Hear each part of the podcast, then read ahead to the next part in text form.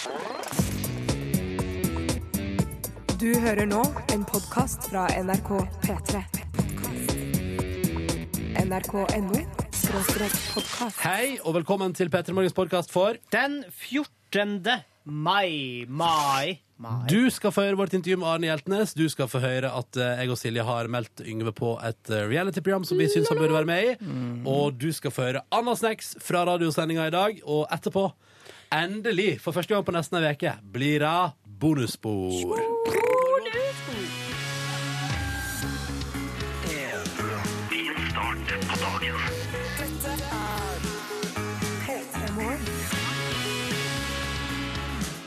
God tirsdag den 14. mai. Hyggelig at du er våken og hører på NRK P3. Velkommen skal du være til programmet P3 Morgen. Jeg heter Ronny.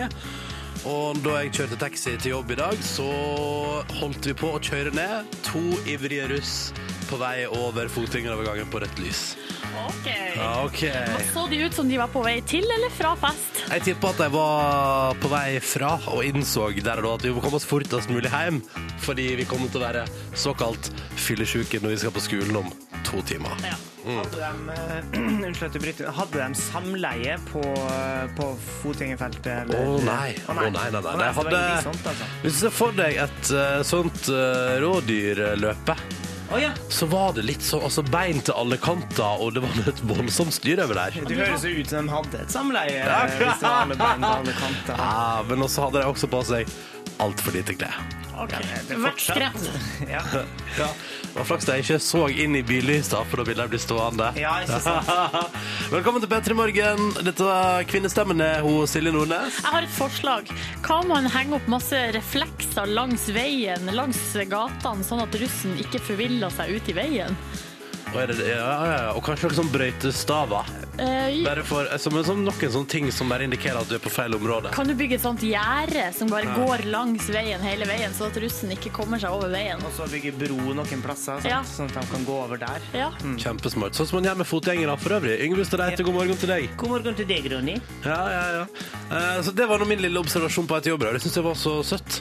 Du ba ikke sjåføren om å bare kjøre på dem. Du gjør ingenting. Ikke nei, nei.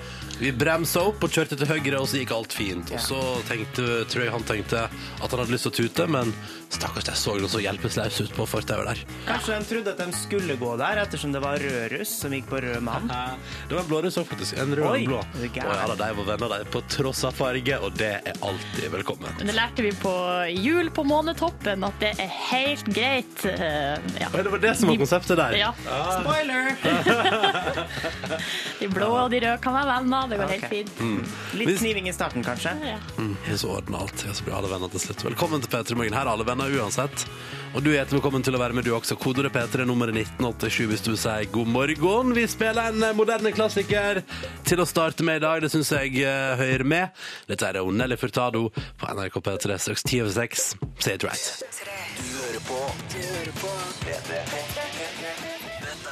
Nelly Furtado, Say it right på NRK P3 i det klokka er 13 minutter over 6. Det er altså uh, Det er tirsdag, og du hører på NRK P3, og du er våken tidlig.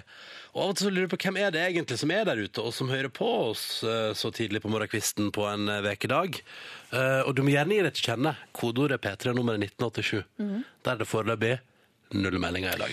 Men før vi hører fra folket, så kan jeg spørre deg, Ronny, hvordan har du hatt det i langhelga? Og du lurer på hvordan langhelga mi har vært? Ja. Du, jeg har vært i Latviens land. Ja. Det magiske Riga. Øst-Europa. Eh, og det merka Det var du og Bård Hoksrud som skulle på tur, Ja, var det ikke stemmer sant? det. Ja. Og vi skulle ligge med prostituerte og være på strippebar. og når vi syntes det ble litt for voldsomt, skulle vi gå på den litt mildere burleskklubben. Riktig? Nei da, nei, det har vært på kjærleiksferie. What? Det har vært megachill. Det har vært ganske så varmt i været. Jeg har ikke hatt på meg jakke hele helga. Og har til og med eh, klart å drikke øl i T-skjorte eh, uten å bli kald. i det hele tatt. Gratulerer. Altså, det var konge, det. Og hvis du lurer på hva et um, hotell i Latvia eh, Når de sier Oh, you have booked a deluxe uh, room. We have upgraded you to a uh, romantic suite. Så lurer du på hva er definisjonen? Hva er det som gjør et hotellrom i Latvia romantisk, syns hotellet sjøl? Er det roseblad?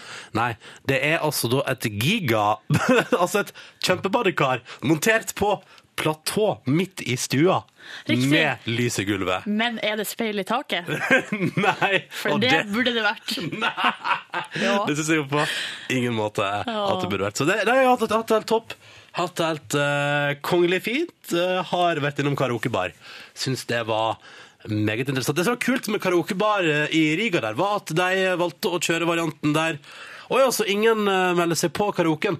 Da bare synger jeg som vertinne litt mer. Og jeg syns at jeg er kjempeflink. Har du og din kjæreste nå funnet en parlåt som dere kan synge i lag? Eh, jeg, men jeg, men jeg syns det var deilig å bevitne, fordi eh, jeg syns jo karaoke kan være veldig gøy, spesielt hvis du er full og en stor gjeng. Ja. Hun syns det er det kleineste i verden. Bra kombo der, ja. Så det ja. å sitte og se et menneske lides gjennom eh, We Are The World, etterfulgt av uh, eh, Set Fire To The Rain Ja, For det var du som sang de, ikke sant? Nei, nei, nei, nei, jeg sang- jeg sang ikke. Jeg satt og sang på og bevitna. Og så en gøyal Latvia da, som kom på scenen og sang Blood On Gang-låta Chasey Lane. Du vet den der uh, You had a lot of dick, you had a lot of dick. Ok, litt tidlig for sånt, men ja. ja nei, men det, og bedrev humor der. Da ble jeg flau. Da måtte jeg ta meg en luftetur. Fordi forsøk på humor fra folk som ikke er, er Altså Huh, det var, det, det var Men altså. Ronny, Ronny, Ronny. Ja, ja. Sang du? Nei, nei. Okay. Nei, Så det ble ikke noe Wonderwall med Oasis? Nei, det ble ikke det. Det, ble ikke det. God morgen. hel- Melding fra kjøket. Vi har fått en melding fra kjøket til 1987 med kodeord P3. Og så får vi at melding der det står 'halla balla', så da er vi i gang. Tirsdagen er definitivt i gang her i P3 Morgen. Nå med deilig musikk fra Storbritannia 16 over 6. Dette her er Peace og deilig Wraith. God morgen og god tirsdag. 18 over eh, 6. Dette her var Peace og Wraith i P3 Morgen. Og vi sier god morgen til Anne-Britt, som er ute på tur med hundene sine før tidligvakt i barnehagen. Og god morgen til Kristoffer, som melder at tirsdagen er i gang, men 30 minutter for seint. Så da har Kristoffer allerede et deilig utgangspunkt der, der han må stresse seg gjennom den første biten av dagen sin, forhåpentligvis for å komme seg à jour på et tidspunkt. Hvis vi skal se det fra den lyse sida, Kristoffer, så er du jo tross alt oppe nå når klokka er ti på halv sju. Mm. Og det syns jeg er godt gjort i seg sjøl. Ja, det er nydelig. Eh, og så står det her, god morgen, eh, folkens. Jeg er våken og veldig, veldig klar for spinningtime, altså. Eh, så det har en strålende dag, og så står det 'fake it till you make it'. Så vedkommende er sannsynligvis ikke klar for den spinningtimen, men velger likevel å late som, for da kan det hende at man blir lurt av egen entusiasme. Ja, og så går det an å ta, skal vi kalle det et Silje-triks, og det er jo ikke skru på så mye motstand på spinningsykkelen. Åh. Bare sitt der og kos deg en times tid. Fordi når jeg har pratet om spinning med Silje, så kommer det alltid sånn Du kan gjøre som meg, bare, bare lat som du skrur på den, og så gjør du det ikke. Men fake it till you make it, det er jo helt konge. Og så er det Ida som syns det er hyggelig å starte dagen sammen med oss, der hun sitter på vei til jobb og hører på oss i bilen. Hallo, bilen til Ida og Ida sjøl, da. God morgen til dere to kompanjongene. For jeg ser for meg at Ida har et forhold. Den bilen har jeg opplevd mye i. Hun Ida kan altså Eller, eller kanskje man Jeg vet ikke, men jeg ser jo alltid for meg at man beholder de bilene med eksempel ja, Her var det, her, her kliner jeg med en fyr i baksetet, tenker Ida, ikke sant? Og, ikke sant? Men hvis alle skal beholde alle bilene de har klina i baksetet i Så er det en veldig gammel motorpark etter hvert. ja, det blir liksom ikke omsatt noen biler lenger. Du må legge ned hele finn.no slash biler og ja. Og så sier vi god morgen til maskinføreren som har fått i gang mokkamasteren sin. Kaffe før det blir en god morgen, og det er helt sant. Må få på den kaffen, så kan vi begynne å diskutere hva slags dag dette skal bli, og hva vi ønsker å få ut av den. Eh, Men takk folkens for at dere er med oss på morgenkvisten. Det er stas å vite liksom litt hvem, hvem er vi som er oppe ti på halv sju. Vi er jo en sjuk gjeng. Hva er vi Hva er det alt slags retning i livet vi, da? Hæ? Oppe tidlig og, og kaos. Men vi er nå her, og vi er sammen, og det er stas. Og nå skal vi høre på Rihanna, alle sammen i lag. Dette er Åtte over halv sju. Dette der var Don't You Worry Child av Swedish House Mafia på NRK P3 i P3 Morgen. Som må på tirsdagen din er kurant, og at det står bra til med deg som hører på oss. SMS-innboksen åpen. P3 til 1987 hvis du vil. Og du spurte jo i stad, Ronny, hvem er det? Eh, Hvem er dere som er tilbringer denne tida i lag med oss så tidlig på morgenen? Eh, Og her har Kim skrevet melding, og han skriver ja, Ronny lurte på hva slags folk som er våken så tidlig, og vi er, eh, vi er én student. Mm, det må være flere studenter, tror jeg. Men vi er studentgjeng kanskje på flybussen i Trondheim på vei til Oslo for å møte i Nasjonalt råd for teknologiutdanning. Oi. Hashtag realfag for the win. Eh, Så det var Kim som er på vei der til noe eh, nerd convention. Nei da, jeg tuller bare. Nei, ikke kall det nerd convention, da. Ta nå eksamen. Det blir fort litt sånn, tror jeg, når det er teknologi, eh, Nasjonalt råd for teknologiutdanning. Vi ønsker iallfall lykke til på reisa og håper at det blir en fin opplevelse. Og at den flybussturen der ikke føles for tung. Det gjør den nok. og så står det her Sinna Sneggen skriver Jeg skal trene før jobb. Hva skjer med verden? Av og til så stiller man seg det spørsmålet når man er i rare situasjoner. I tillegg til SMS så har vi, er det jo mulig å sende post til oss. P3 Morgen, NRK 0340 Oslo. Har vi fått post? Oh, en rosa pakke! Sendt fra uh, Tonje, som også holder til i Trondheim. Nei, gud, så spennende. Mye av den posten vi får, kommer fra Trondheim. Det må eh, gjerne. alle dere andre ta til dere.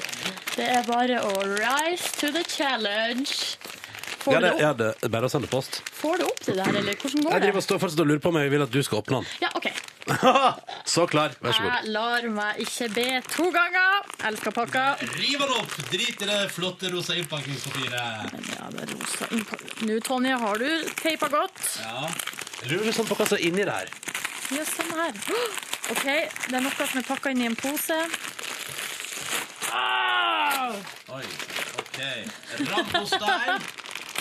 Jeg ble helt eh, sånn Godzilla. P3 Morgen, NRK 0340 Oslo, altså, hvis det skulle være det er masse små pakker inni her. Hva er det som skjer der, da? Til verdens herligste gjeng. Her Nei. er til meg, og så er det til Yngve. Her er til deg. Og til Ronny. Jøss, det er en pakke Men jeg har ikke bursdag. Ronny fikk størst pakke. Selvfølgelig fikk Ronny størst. Til Ronny fra Tonje. Så koselig. Så koselig, Tonje. Men Og den- er det julaften her? Det føles Og den, sånn. min var blått, da, mens dere Nei, du fikk rosa, jeg og Yngve fikk blått. Fikk Litt sånn 17. mai-aktig papir, syns jeg tror du fikk, eh, Ronny. Og er det det det er? Mangler rødt, da. Men dette her er god radio, jeg veit det ikke. Vi må skynde oss sånn at vi får opp den pakka. Og jeg har fått å, små søte penner og te. Oi! Skal vi se her. Kirsebærte og en haug med hjerter. Hey, du, dette her Har du fått et bilde av Tonje? Nei, jeg har fått et bilde av Dette her syns jeg er litt for freaky. Dette her er for freaky, Har du fått et bilde av av deg sjøl kjæresten som ligger og Nei, jeg har fått bilde av Hva er dette her for noe? Ronny har fått et bilde av seg sjøl og kjæresten sin oh. i ei eh, innramme. Så koselig. En slags bildekollasj. Og dong. Har du fått Dette her er for er humor. Hva er det dere har fått, egentlig? Jeg, Ronny, jeg har fått uh, te og så hjerte. Så jeg lurer på om Tonje er litt forelska i meg, rett og slett. Jeg har fått, jeg har fått en jentegave. Jeg har fått uh, sånne søte penner som jeg kan skrive med, og te. Ja, så Tonje, og du sendte meg katalogen til Tune, så at jeg kan se på eh, Forlovelsesring!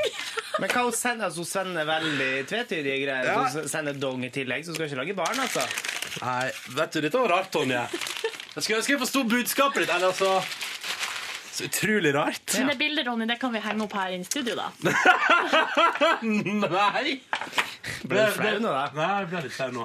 Eller, jeg synes det er litt sånn, Når Tonje har tatt seg bryet med liksom å jobbe fram en slags eh, fotokollasj, da blir jeg litt sånn stressa av det. Har klippet Nei. sammen lagt to bilder attmed hverandre. Men takk for pakka, altså. Flere pakker mot oss med gjerne med takk. Takk. Eh, Men jeg har fått det bildet, så det trenger jeg ikke få flere ganger. Eller den eh, katalogen med ringer. Det er heller ikke vits i. P3 Morgen, NRK 0340 Oslo. Vi elsker å få post. Se der, ja. OK, OK, en ny låt på radioen.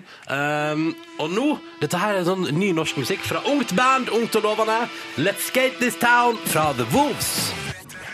Dette er P3. P3. Ti på sju. Dette der var American Boy med Estelle og Kanye West på NRK P3 i P3 Morgen, som håper at du har en fin tirsdag.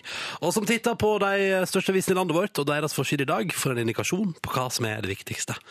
Aftenposten eh, bringer en sak til bords i dag som gjør til at jeg sannsynligvis får eh, en bekymra telefon fra mamma i løpet av dagen, som lurer på om det egentlig går bra der inne i hovedstaden.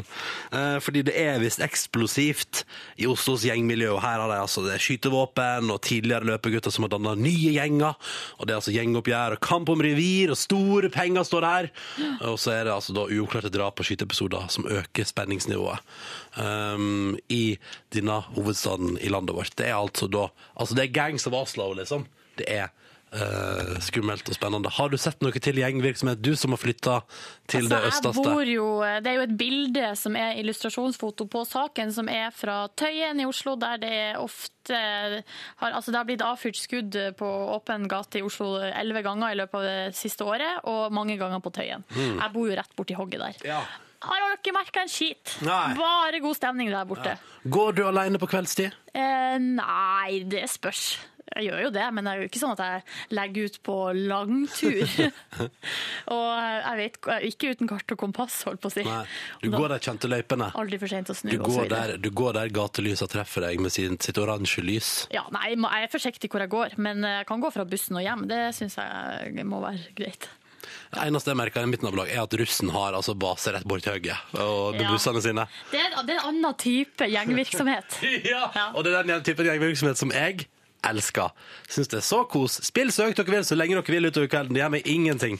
Jeg sover gjennom alt uansett og syns bare det er stas at det er liv og røre. Du, En annen sak fra forsida til Aftenposten. Fader, nå høres jeg jo forresten ut som jeg er 80 år gammel. Jeg syns det, da setter jeg litt sånn liv og røre. Har det litt sånn Du, andre så tror jeg du er litt sånn, for du sitter inne, og ikke, og ikke som en 80-åring, men du sitter inne og tenker sånn Åh, skulle ha vært med. Nei. Skulle ha vært ung igjen. Jeg ha vært 18 og russ. Ungdommens vår. Og kjenner det bruser. Hva annen sak var det du ville prate om fra Aftenposten det er Margaret Berger.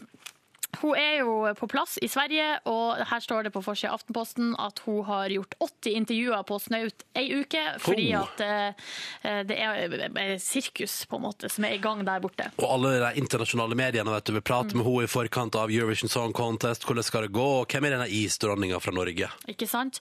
Eh, og det bare eh, gir meg holdt på å si, en anledning til å også snakke om en sak som står på, eh, på topp på nrk.no akkurat nå. For der står det 'Forskerne har talt. Norge har den minst fengende låta'. Oi! Ja, eh, Der er det noen forskere eh, som Det har smeller rett i fjeset på Karin Park som har skrevet den låta der. ikke sant? Det er noen forskere som har utvikla en programvare som ved hjelp av en matematisk formel regner ut en låts hitpotensial. Jeg vet ikke helt, jeg. Tar ikke hensyn til eh, fremføring, påkledning, sceneshow. Nei. Tre, Det som er viktig i Eurovision ja, Song tre Contest. element som er sinnssykt viktig i eh, Grand Prix. Jeg syns vi skal alle sammen huske på at i dag er første semifinale. Mye spennende bidrag der. Ta en titt på det på NRK Fjernsyn i kveld, og kos deg. Og så spiller vi en låt som garantert ikke hadde stått godt an i forskerne sin Eurovision fenger denne låta nok til å vinne-analyse, men som jeg syns er helt perfekt å spille på en tirsdag morgen fordi den er helt rå. Dette er det skotske Churches og The Mother We Share på NRK P3 i P3 Morgen. Riktig god tirsdag! Dette er dette er P3. P3. The Mother We Share av Churches, tre på sju på P3. Tom Andreas skrapa is fra bilen sin i dag. Lenge siden sist han måtte gjøre det i mai. Og så er det altså da eh, på vei til dagbruddet eh, Titania med nykokt kaffe i koppen. Det er Kim og lærlingen som er klare, da, vet du. Og Kim og lærlingen, vet du, de koser seg ordentlig da, og trakter den kaffen. Og prater fjas og tant, og, og virkelig bare sånn yes. La oss gjøre denne jobben. Hæ? Ja. Mm. Og så ehm, Ja, Therese måtte også fram i skrap i dag. Skulle rett fra jobb 5.30 for Drammen. Eh, what's up with that, spør hun. Og da sier jeg det som er opp med det, er at det har vært frost i natt. ja, det er ikke vanskeligere enn det. Nei, det er akkurat det det har vært. Og det kan fort være frost i mai, altså. Ja, det kan det. P3 til 1987 styrer på. Straks nyheter. Først Karpe. Dette er dette er P3. P3. Daft Punk spiller god musikk på morgenen din. Get Lucky med Pharrell Williams. Og da har vi for eksempel en svett mekaniker langt hjemmefra som akkurat nå lytter til den låta her på NRK P3 i Singapore. God morgen og velkommen skal du også være.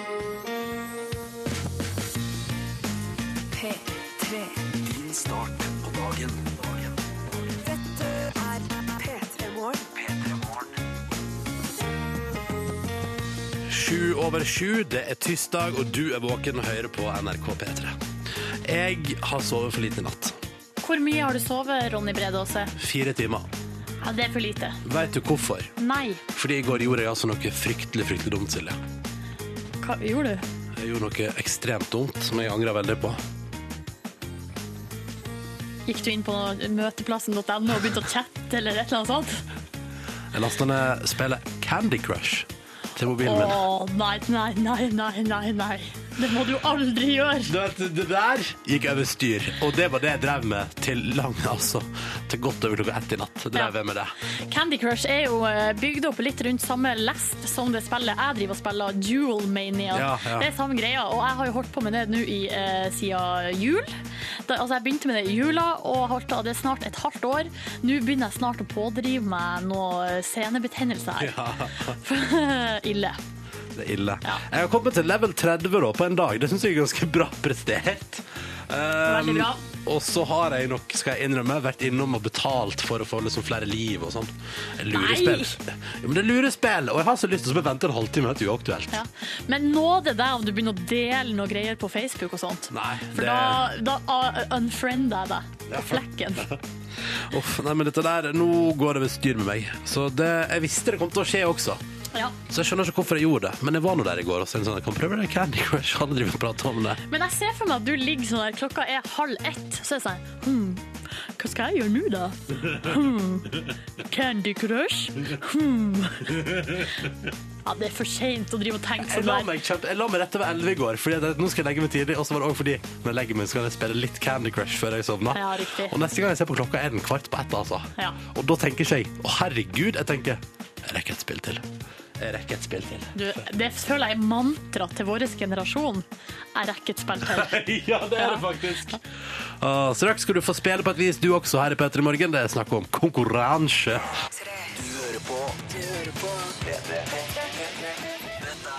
Og American Idiots på P3. 12 minutter over sju. Riktig god morgen. Og vi sier god morgen også til Malena som står på Statoil og lager frokost til trøtte folk som er på vei innom der, og syns det er egentlig ganske gøy å se på alle trøtte folka som kommer innom. Og, så og det tror jeg på. Og så sier jeg god morgen til Funkyboy, som har sett meldinger på vei hjem fra tidenes walk of shame. Og det skal bli godt å begynne på jobb etter den klassiske mandagsfylla, skriver Funkyboy på SMS P3 til 1987. Bra navn. Bra navn. Mm. Og både Malena, Funkyboy og alle andre som hører på må følge med nå, for det kan hende at det blir mulighet for å vinne seg ei T-skjorte. God morgen, Yngve Hustad Reite. God morgen, Ronny og Silje, og god morgen, hele Norge. Ja, det er mulig å vinne ei T-skjorte hvis man er litt gløgg og følger litt ekstra med her nå når jeg skal fortelle ei lita historie fra min oppvekst. Eh, og den historien her skal jeg gå tilbake noen år, da jeg var ganske så liten. Jeg var kanskje bare 12-13 år gammel. Ja. og bodde med familien min her, her til lands. Eh, og hadde det jo ganske greit. Skjønt det var lite jeg fikk se til far min, da, fordi han, han var sjømann. Så blei det slik at faren min fikk en skade i foten da han var ute til sjøs og måtte gi seg. Returnerte til gården. Men for at gården vår ikke skulle bli inndratt av grunneier, så var det jo noen som måtte dra til sjøs. Og det var lille med. Det var lille hallo, hei, hei. Ja, det var jeg som måtte av gårde ut, og ingen kunne jo tro dette her, og aller minst de. Skal han bli sjømann? sa de rundt meg. Skal Håkon bli sjømann? Heter du Håkon? Jeg skjønner ikke hvorfor de kalte meg det, egentlig. Vel, vel, men jeg kommer meg ut på sjøen, og for et liv det var der ute! Det var litt av en gjeng på båten, og eh, jeg ble hengt, eh, heist opp i masta og tissa meg ut. Nei. Nei, jeg holdt på å tisse meg ut mens mens det var en annen som erta meg, da. Eh, og han hadde tissa seg ut eh, da han var ung og ble gjort akkurat det samme med. Han ligner litt på han Åge i Hotell Cæsar, forresten. Han som Ja. der meg verst. Ja, jeg fikk uh, tidlig en god venn på båten, og han uh, Men jeg kan bare ikke huske helt hva han heter. Men har uh, Men, ja. ja. og han lærte meg det da vi gikk i land i en travel havneby, og noen prøvde å stjele klokka mi. Så sa han der kompisen min du må ta vare på verdisakene dine. ja, for han var nordlending, han, ja. Ja, ja, ja, det stemmer, men jeg kan bare ikke huske hva han heter. Og senere i samme by, da noen horer prøvde å praie meg inn og dra meg inn på et Oi. rom der, så kom han bort nok en gang og bare, som jeg sa, ta vare på verdisakene dine. Og da snakka vi noen helt andre verdisaker, da. Ikke sant? Eh, Ja, ferden gikk videre, og vi oppdaga at vi hadde en blind passasjer som het Mary. Hun var kjempepen. Og så oppdaga jeg at skipet var smekkfullt av sjørøvere. Og så ble vi skipbrudden, og jeg fikk en kjempegod venn som var ei ape på ei øy. Nei, men i alle dager, her skjedde det veldig For mye. en oppvekst du Ja. har hatt. Ikke rart du ble som du ble. Nei, men dette her var jo litt annerledes da, ettersom det her var på 1800-tallet. ja, riktig. Jeg aner ikke hvor du vil hen. Jeg har full peiling på hvor du vil hen. Eh, Jeg har virkelig ikke. Nei. Hva- Eh, men hva- jeg lurer på om det her er en film, Yngve, du vil fram til. Ja. Mulig den har blitt sendt uh, opptil flere ganger på nyttårsaften på NRK1. Ja. Ja. Eh, ja, de, jeg må innrømme det at det er en film jeg, jeg prater om. Og du har aldri hørt om Håkon Håkonsen, Ronny?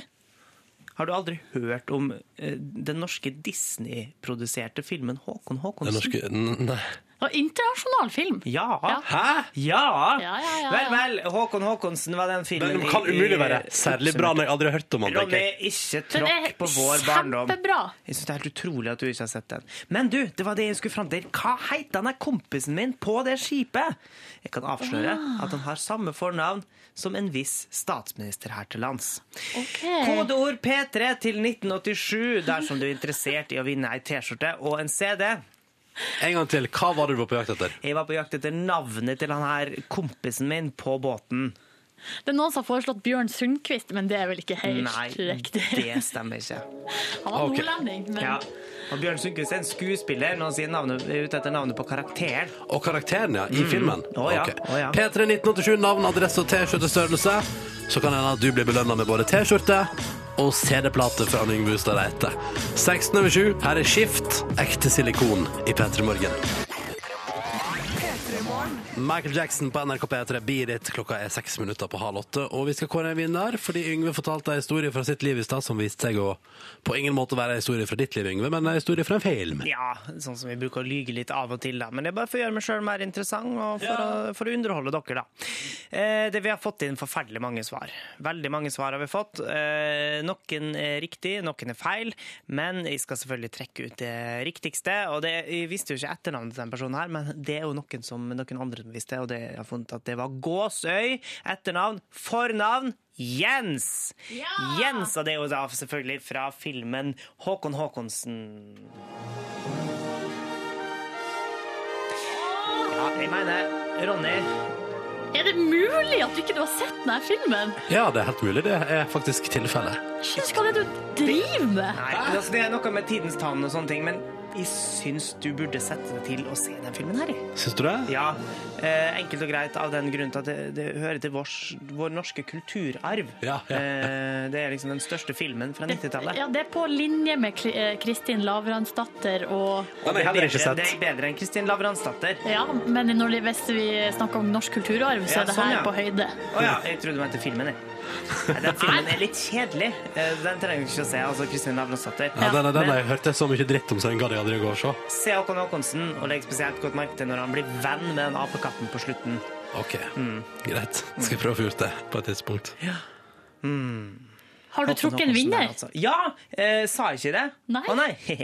Endre Hilleren! Fra Sogndal! Og da skal vi sende T-skjorta i øh, ekspressfart over fjellene til Sogndal. ja! Gratulerer så mye. Du er en vinner, og får også CD-plate i posten av Ja, det skal du få. og CD-plate. Ja, hurra. Fem på halv åtte. Her er Paramore. I Could Be The One, Avicii og Nikki Romero. Du hører på NRK P3 og P3 Morgen. Og klokka er seks over halv åtte, og det er tirsdag. Og jammen meg så har Lena sendt oss en tekstmelding, fordi vi lurer jo alltid på hvem er du der ute som hører på oss akkurat nå, og hvordan står det til med deg. Og Lena melder om at hun er oppe tidlig for å se over notater en siste gang før eksamen i dag. Eh, og så har hun en på torsdag òg, for å være sikker på at hun ikke vil nå hvilepuls denne veka her, før godt ut på 17. mai der. det la jeg til, da. Heldigvis så skinner sola, da. Og så koker kaffen, og så er vi i radioen hennes. Hyggelig å få lov til å være support, eh, Lena. Eh, det å føle at vi på et eller annet vis kan bidra til altså forberedelse til eksamen, hadde jeg aldri trodd vi kunne være, men vi er nå der, og det er stas. Ja. Du, Vi er også på Facebook. Der går det an å legge inn eh, beskjeder til oss og comments osv. Og, så og der er det en som heter Øyvind, som har lagt inn på veggen vår eh, Har Silje vært på en liten USA-tur? Og så har han linka til en eh, nyhetssak der det står 'Syngende kvinne tvang fly til å nødlande'. Ja. Ja. Jeg så den saken der.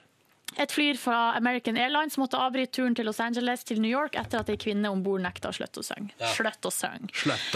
Eh, det er jo litt rart, Øyvind, at du eh, skjønte det, men ja, jeg har jo vært på en liten USA-tur. Det var deg, det, Silje. Vært, Som, aldri, eh, som ikke klarte å slutte å synge I Will Always Love You. Hadde vært på karaokebar, ble farga av eh, tilværelsen.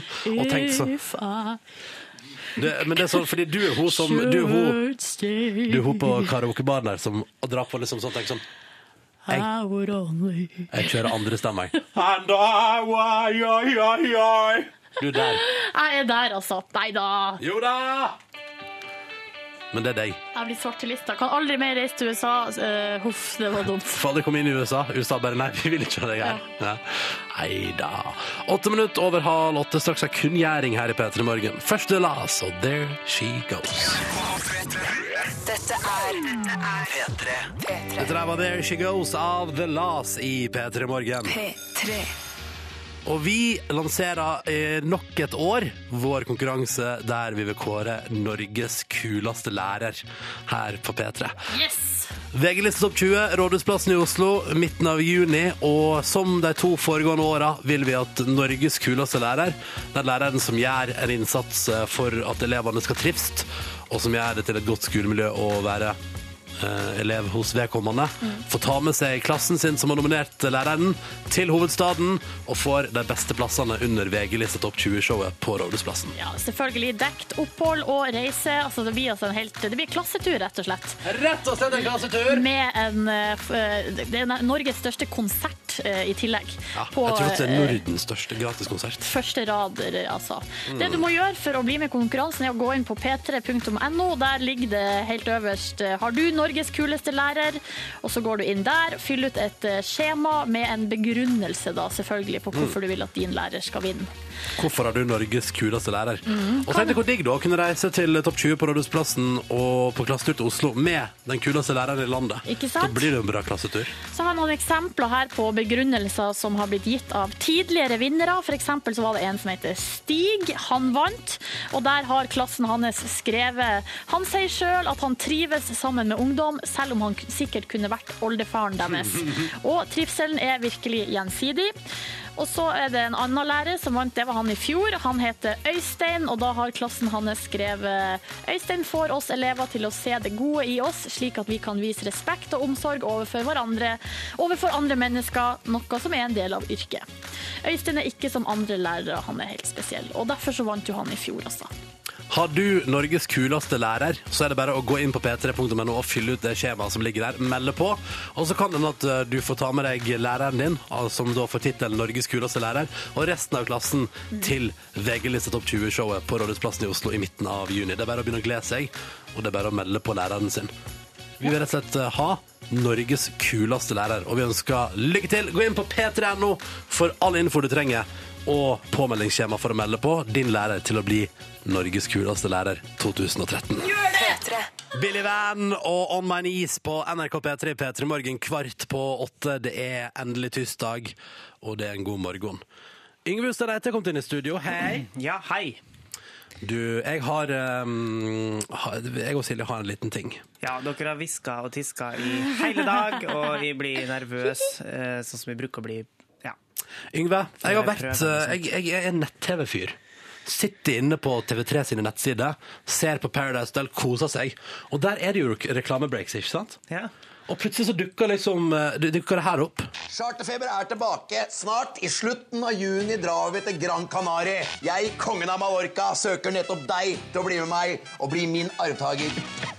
Og så har jeg tenkt sånn hele tida sånn Åh, det hadde vært gøy å melde Yngve på charterfeber. det hadde vært så kongelig om du endte opp på Gran Canaria med Svein der. Og bingobanden og Ja! hele Disse to damene der, ja. Så, så bare har jeg det så godt og kverna på tanken sånn, åh, Og så hver gang jeg setter reklamen, og det har blitt et par ganger, fordi det er mange reklamebreaks i Paradise Hotel, så tenker jeg sånn Åh, se for Yngve på charterfeber. så jeg og Silja meldte deg på charterfeber, Nei, Yngve.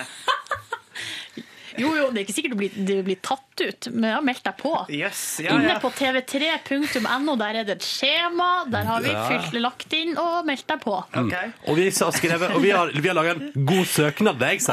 ja da. Og vi tenkte at du skal selvfølgelig få lov til å lese din egen søknad som du ikke visste noen ting om på forhånd, Ja. straks i P3 Morgen. ja, det gjør jeg gjerne. Den er gøy. Den overbevisende. Ja, Ja, ja, ja. veldig. Jeg tror, du kommer, oi. jeg tror du kommer på audition, for å si det sånn. Vi har trukket Ja, Trekt ut det beste. søkt, sant? Mm. Eh, Så straks skal Yngve få lov til Han vet ingenting om den da, men vi har søknaden her, og du skal få lov til å lese den. Yngve sin søknad på internettsiden til TV3 om å få lov til å være med i Charterfeber 2013 og bli den nye kompanjongen til. Å! Først Sara Larsson, og på P3 skal du få høre Yngve lese sin egen søknad på sparket. Det blir deilig. Ti minutter på åtte med Sara Larsson og en cover i P3 Morgen, hvor eh, jeg som heter Ronny og Silje her, eh, har sett eh, Svein sin reklame der han sier 'Vil du være med meg på en ny runde charterfeber?' Vi har sett den rulle over fjernsynet en stund. Og i alle fall, jeg vet ikke, jeg tipper du òg har tenkt det, Silje. Det har vært gøy å melde Yngve på. Selvfølgelig. Så vi bare gjorde det, vi, Yngve. Ja. Ja. Dere gjorde det. Søknaden er sendt inn til TV3. Når den er på sendte plass. dere den? Den ble sendt i går. Ja. Mm. Uh, og vi har den her, og nå tenker vi at det som er helt naturlig, Yngve, at når du nå uh, har søkt charterfeber, og sannsynligvis kanskje blir kalt inn på audition eller lignende, Ja. eller i alle fall tatt en telefonsamtale til, eller jeg vet ikke, mm. hende de ikke bryr seg i det hele tatt. Men når du først nå har søkt, så må du jo vite hva som har stått i søknaden din. Ja, de burde bry seg, for å si det sånn, Ja. med denne fantastiske søknaden. Det er en søknaden. Ja. Yngve Ustadreite, du skal nå. Du har ikke fått sett den ennå. Og vi skal levere over uh, stykkevis og delt, papirlapp etter papirlapp. Og det vi vil nå, er at du nå skal altså da lese med stolthet og innlevelse, og med innsalg av deg sjøl, din søknad om å få være med i Charterfeber 2013.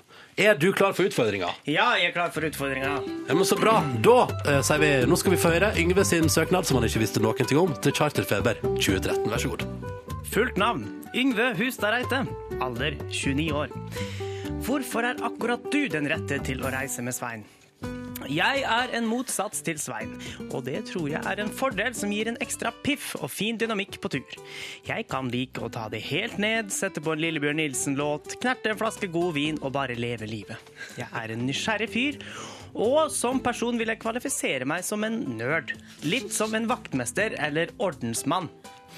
For å si det på en annen måte, jeg er en ryddig type, og det tror jeg kan være en ekstremt god egenskap å ha med seg i snippsekken på tur med Svein. Vi har noen viktige ting til felles også. Ekstreme mengder energi, joviale personligheter og bøttevis med humor. Yngve, bare kjapt, hva syns du foreløpig? Bra søknad, eller? Ja, altså jeg kjenner meg sånn litt igjen i det. Ja. Fortsett, du. Eh, ja. Antall tidligere sydenturer. Jeg har vært i en del i varmere strøk, ja. Liker meg godt i Syden. De har liksom en litt annen mentalitet der nede. Julio Iglesias er en ganske annen fyr enn Ola Dunk og Kari Nordmann, for å si det sånn. Ordningen med Fiesta er et godt eksempel på det. Tror du egentlig mener siesta, men det er nå greit. Det står Fiesta her. Jeg vet det. Ja. Men du har Jeg ville skrevet sagt siesta. ja. For det, eh, fortell litt om deg selv. Til daglig jobber jeg i P3 Morgen, som er et mucho populares, som dere ser kan jeg litt spansk, morgenprogram. Litt fakta om meg. Har dykket etter hai i Sharm el Sheikh. Glad i visesang, dikt og de nære ting. Fuglekikker. God på parodier, spesielt artisten Shaggy og syklisten Dag Otto Lauritzen. Få høre, litt. Skjegget. Jesus, Jesus, baby, please, let me take you out. Det kunne underholde Chartersveien med det. Ja, veldig bra. Videre på lista her. Attraktiv, sporty, uredd, lite sjølhøytidelig og glad i en grov vits. Eller en grovis. Ja, en grovis. Ja. Geish. Geish. Har du vært på TV tidligere? Hvis ja, hvilket program? Har vært litt på skjermen i Sommeråpent på NRK, men som sagt jobber jeg i P3 Morgen, så jeg er ganske kjent på grunn av det. Det er ikke sjelden jeg blir gjenkjent på gata, og det er jeg helt komfortabel med. Se der, Har dere skrevet det her for meg? Ja. Dette har vi skrevet for deg, ja. Yes. Eh, så på eh, To the point, Mm. Ja. Og vet du hva, for å toppe det hele, Nei. vi har eh, satt sammen en liten kollasj med deg og Chartersveien for å se hvordan dere har fungert sammen. Skal vi høre på det? Ja. Det, Se for dere Yngve og Chartersveien i Charterfeber nå, da, folkens. Svein Og Yngve. vil ha litt rolig alenetid og har lagt spesielle planer for kvelden. Vi har tenkt også å ha piknik. Tuller der. Vi finner et fint sted, og så kan vi sitte ute på brygga her, langt ute, så litt øh, vekk fra folk. Å, fy faen. Du bare vær ærlig, kan du like godt si det. Du har blitt forelska i meg, ikke sant? Å, dette her blir bare helt magisk. Romantisk aften med Svein Østvik, det er smart. Jeg gleder meg. Ah! Yes. Jeg syns dere passer så godt sammen. Hvis TV3 vet hva de driver med i Så, casting-øyemed. så ringer de Yngve i dag. Ja. Han er tilgjengelig på telefon, dere har fått nummeret, for søknaden er jo levert. Nå gleder jeg meg litt, jeg. Ja, ja, det tror jeg på. Tame Impala på NRK P3 feels like we only go backwards. P3 Morgen. Fem minutter over åtte. Dette var Biffy Clyro og Biblical i P3 Morgen med Ronny og Silje, som nå har fått besøk. Arne Hjeltnes, god morgen og velkommen til oss. God morgen, god morgen. Stas å ha deg her. Kjekt å få være med tidlig på en morgen. Du er jo, For meg er du jo sjølve liksom det barndomsminnet i fleng her. Gutta på tur var jo, gikk jo sin seiersgang på fjernsynet da jeg vokste opp hver søndag. Fast. Ja, hver søndag i åtte år. 50 turer. Jøsse. Så det var veldig bra. altså. Blir du, ehm, Merker du at du har laga et sånt program som har sittet ekstremt godt i folkesjela for mange år siden? Ja, jeg, merker det, fordi at vi er jo et lite land, og um, det er jo slik at når du da reiser rundt i Norge og er, er ute i den virkelige verden, så møter du jo stadig folk som kommer med en liten kommentar, eller som sier et eller annet. Så det, det er klart at uh, mange har òg tips til nye program, og det burde reise opp til det og det vannet, eller det og den fjelltoppen, og der bestefar min har hytta. Og, så det, det er klart at eh, hvis en da får et program som er populært i Norge, så er vi jo en liten gjeng, og da har jo alle sett det. Ja, ikke sant? Men er det, sånn, er det sånn at du føler at det forfølger deg? Ja, på en positiv måte, selvsagt. Okay, okay. Det, det, det er jo verre ting å bli assosiert med akkurat enn å ha laga tur med ryggsekk og, og, og bål og en trivelig kokk. Og to eh, skiløpere. Ja, to personlige trenere. Ja. Så det, det er et privilegium å reise rundt med egen kokk og personlige trenere. Riktig. Um, Men nå driver du på med et eh, arkeologiprogram. Har gått på NRK1 på Det er på søndager, det òg. Ja, det er liksom din dag. åtte. Det er den gamle, gode gutta på Jeg tur-slåtten. Ja. til den tida der, det er Jeg bra. liker den eh, tida der er veldig bra. Da er, det, ikke sant? Da er for, eh, alle hjemme igjen fra helgas alle eskapader. Setter seg ned foran fjernsynsapparatet, og familien er samla. Det er veldig, veldig god sendetid. Men er du interessert i arkeologi? Jeg er interessert egentlig i, i um, Jeg er veldig glad i den gode gamle folkeopplysningstida i NRK. Når jeg var liten, da, Ja. så var det jo sånn der uh, skolefjernsyn, og det var, fjernsynet ble jo brukt til å utdanne folk. Det var, det var til og med matte på fredagskveldene på TV, og det var Yes. liksom Fjernsynet var på mange måter viktigere enn det er i dag, da.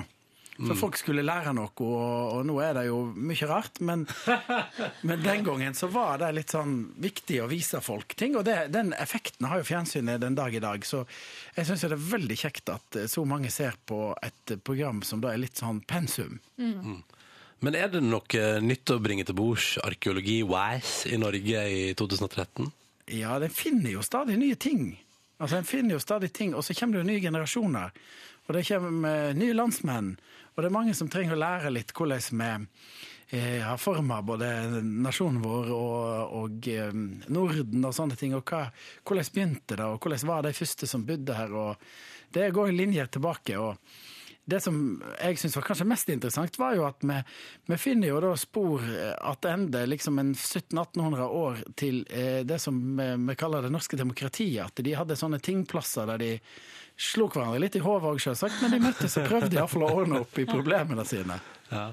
Er det, er det det kuleste dere har funnet fram i serien? Ja, du kan si at det, vi har jo funnet en, det, det er jo masse sånn det, det finner jo ting, en finner jo sverd, og en finner jo hjelmer, og en finner sånne ting. Vi har vel vi har jo ikke funnet noen sånne grensesprengende ting, men vi har vist fram ting som folk kanskje ikke visste vi hadde funnet. Altså? Norges eldste trøye. Oi. Som eh, når vi var oppe på Jotunheimen, oppe i, når isbreene trekker seg tilbake, så finner en ting. Og da fant en godt bevart trøye, og den, det kunne jo ha vært ei litt sånn kul Åsnes-trøye til eh, off eh, sånn skikjørere i, i dag. Litt stilig afterski-outfit.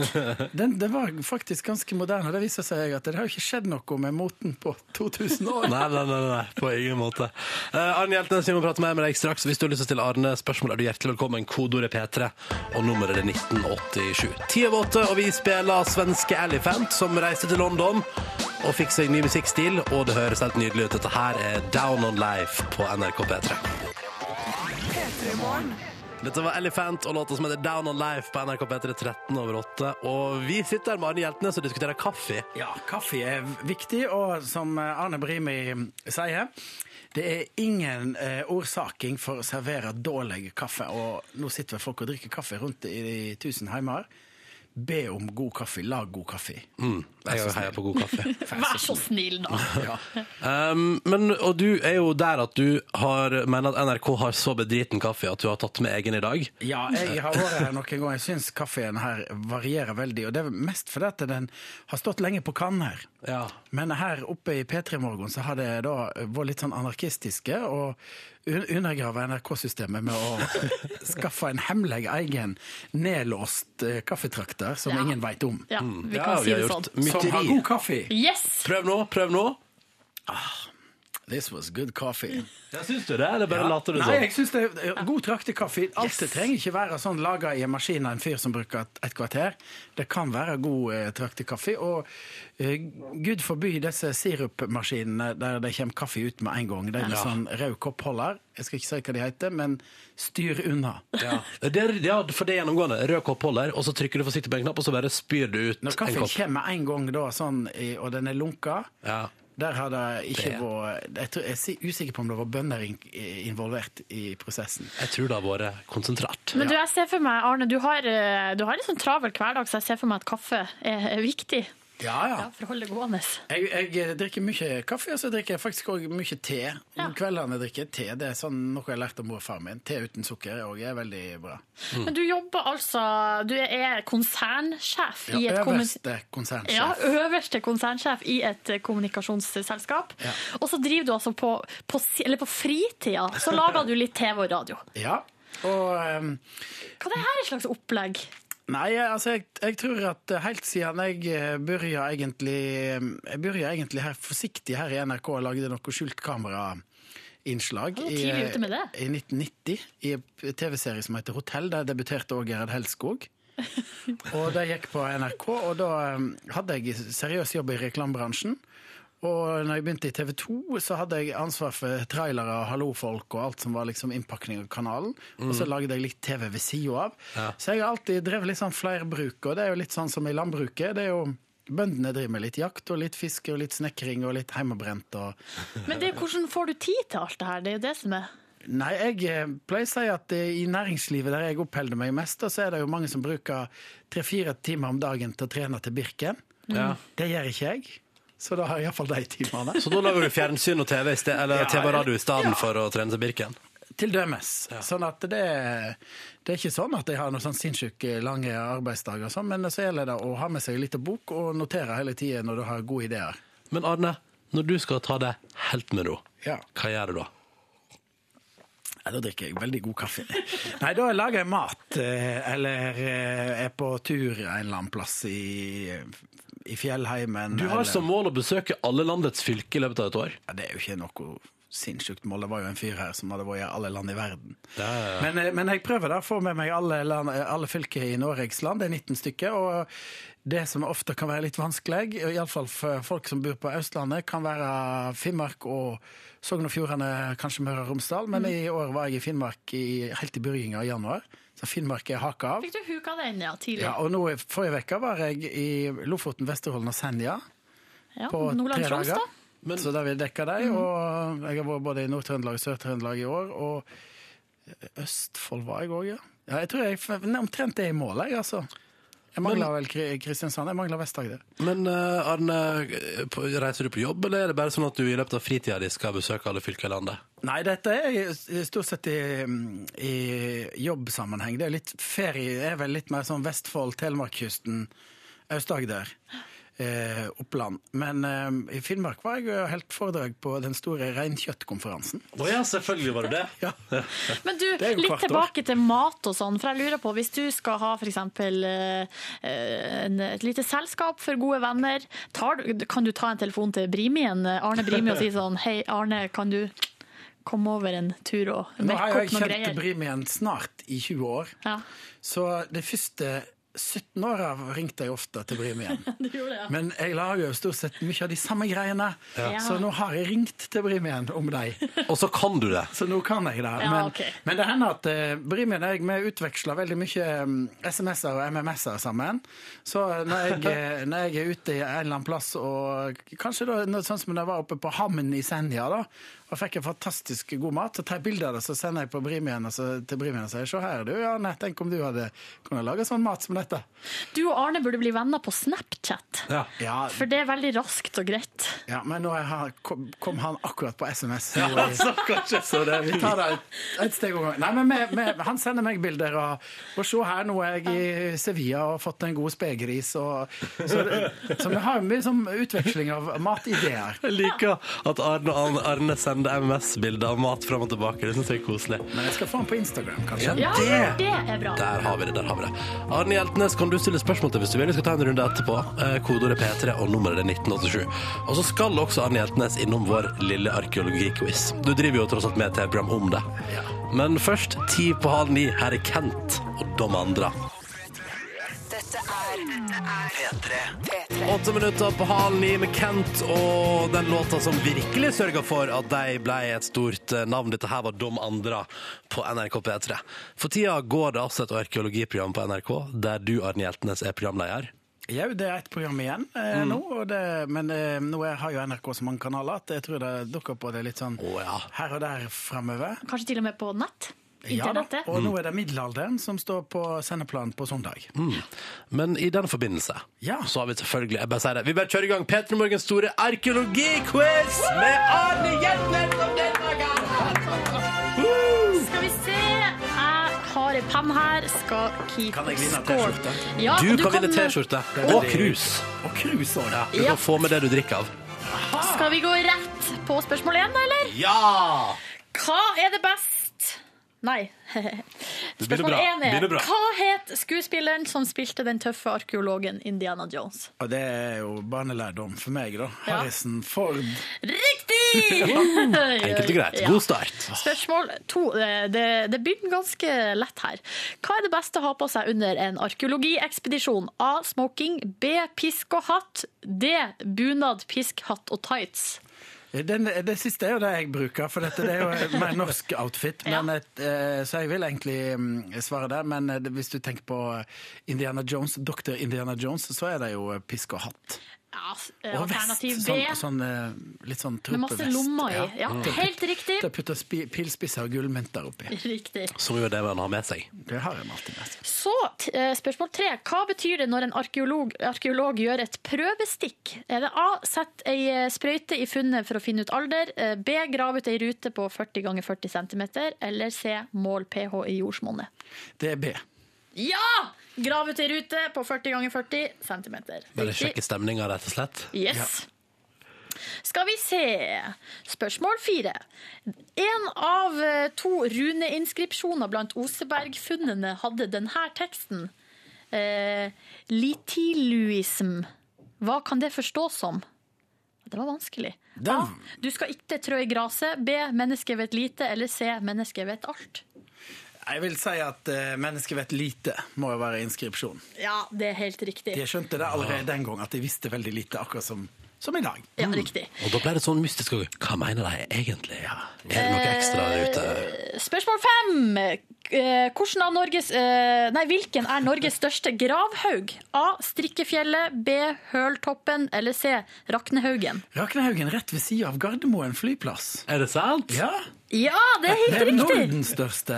Men du vet, De hadde sånne runeinskripsjoner som vi nå har funnet med sånn 'Gudbrand er en dust' og sånn òg. Nei, er det sant? Ja, de satt Det er og, og, og, og skribla inn, brukte flere timer på det, og så slengte de inn i, på gasstunet til Gudbrand. Men da skal du vite at da står det Gudbrand en dust, men egentlig så altså, det må være så ekstremt ekstremt inderlig hat når man har brukt Styggere tid ting på enn det. det har de skrevet òg. Å, ja. Gudbrand eh, går på fjøset og Ikke sant? Ok. Det er det jeg skrev, òg. De var ganske friske. Du, vi går videre til spørsmål seks. Hvem var ansvarlig for utgravninga av Osebergskipet? Var det Å. Oddgeir Bruaseth, B. Jan Johansen eller C. Gabriel Gustafsson? Eh, Det Utgravinga der var ja, der ingen skulle tro at noen hadde gravd før. Det kunne være Oddgeir, men jeg eh, tror at det var Gabriel. Ja, Det er selvfølgelig helt riktig. Og så går vi til syvende og siste spørsmål. Er du klar, Arne? Er du klar? Hvilket av disse vikingskipene var størst? A. Christian Radich, B. Gokstadskipet eller C. Stena Line? Ja, det var, eh, De har vel ikke gravd fram de andre ennå, for det er jo etterkommerne våre som skal grave dem fram. Men eh, det står det var B. Det er selvfølgelig helt riktig. Det var det- full pott, det. Det var full pott! Jeg har grua meg sånn til dette. Altså, så dette var, nå er jeg så letta. Da har du ikke hørt quiz i P3 Morgen før. Nei, det bare det det går på. Lars Vaular fram mot nyheter på NRK P3. Dette her er den nye fra han som heter Nonsens. Når klokka nå er tre på halv ni. Klokka er seks minutter over halv ni. Det er tirsdag den 14. mai. Du går ei kort uke i møte hvis ikke du skal jobbe på 17. mai. Og så går det ei ganske grei helg i møte hvis du ikke skal jobbe på mandag. Eh, Så det er en liten motivasjon til deg som er på vei ut i den virkelige verden der ute, eh, og som skal gjøre et dagsverk, enten det er jobb eller skole. Vi i P3 Morgen, eh, meg og Silje, vi har besøk av Arne Hjeltnes, altså. Eh, Og det er veldig hyggelig å besøke deg, Arne. Kjekt å være her og starte dagen på den måten. Det blir liksom litt sånn, Du får eh, litt sånn energi. Det er godt å høre. Ja, P3 Morgen. P3 Morgen var du toppstart på dagen, det. Ja, det viser seg at selv om jeg er en gammel mann, så kommer det da tekstmeldinger til meg fra vennene mine som sier at 'Å, er du gjest i mitt favorittprogram?' Det er helt konge! Eirik på jobben min sier jo det at det er dette som gjør at jeg kommer i gang om morgenen. Hei, Eirik. We love you. Og det, men det, vi skal si, vi får også tekstmeldinger, Arne, og der er det mye elsk. Og det er veldig mange. Det merker jeg jo spesielt eh, på eh, min alder. Som, altså, du var fast invitar på søndagskvelden i barndommen. Ja. Gutta på tur. Og der er det mye love, love, love på innboksen vår. Ja, og det er flere som lurer på Her er det en som bare skriver 'Hjertnes!' utropstegn. Blir det flere Gutter på tur spesialepisoder? Hva med kronprinsen? Folket må ha mer Gutter på tur. Ja, men vi har på en måte, Det vil være dumt å si at vi aldri vil ha altså ABBA sier de aldri skal ha reunion. Ja, det gjør de bare. Men eh, det har vi ikke vi sagt, da. Nei. Så, eh, og vi, vi kommer sikkert til å gjøre et eller annet. Og jeg driver jo litt sånn og fusker i faget sammen med Brimien. Han har vært med litt i Det norske måltid. Og, så jeg vil ikke utelukke det.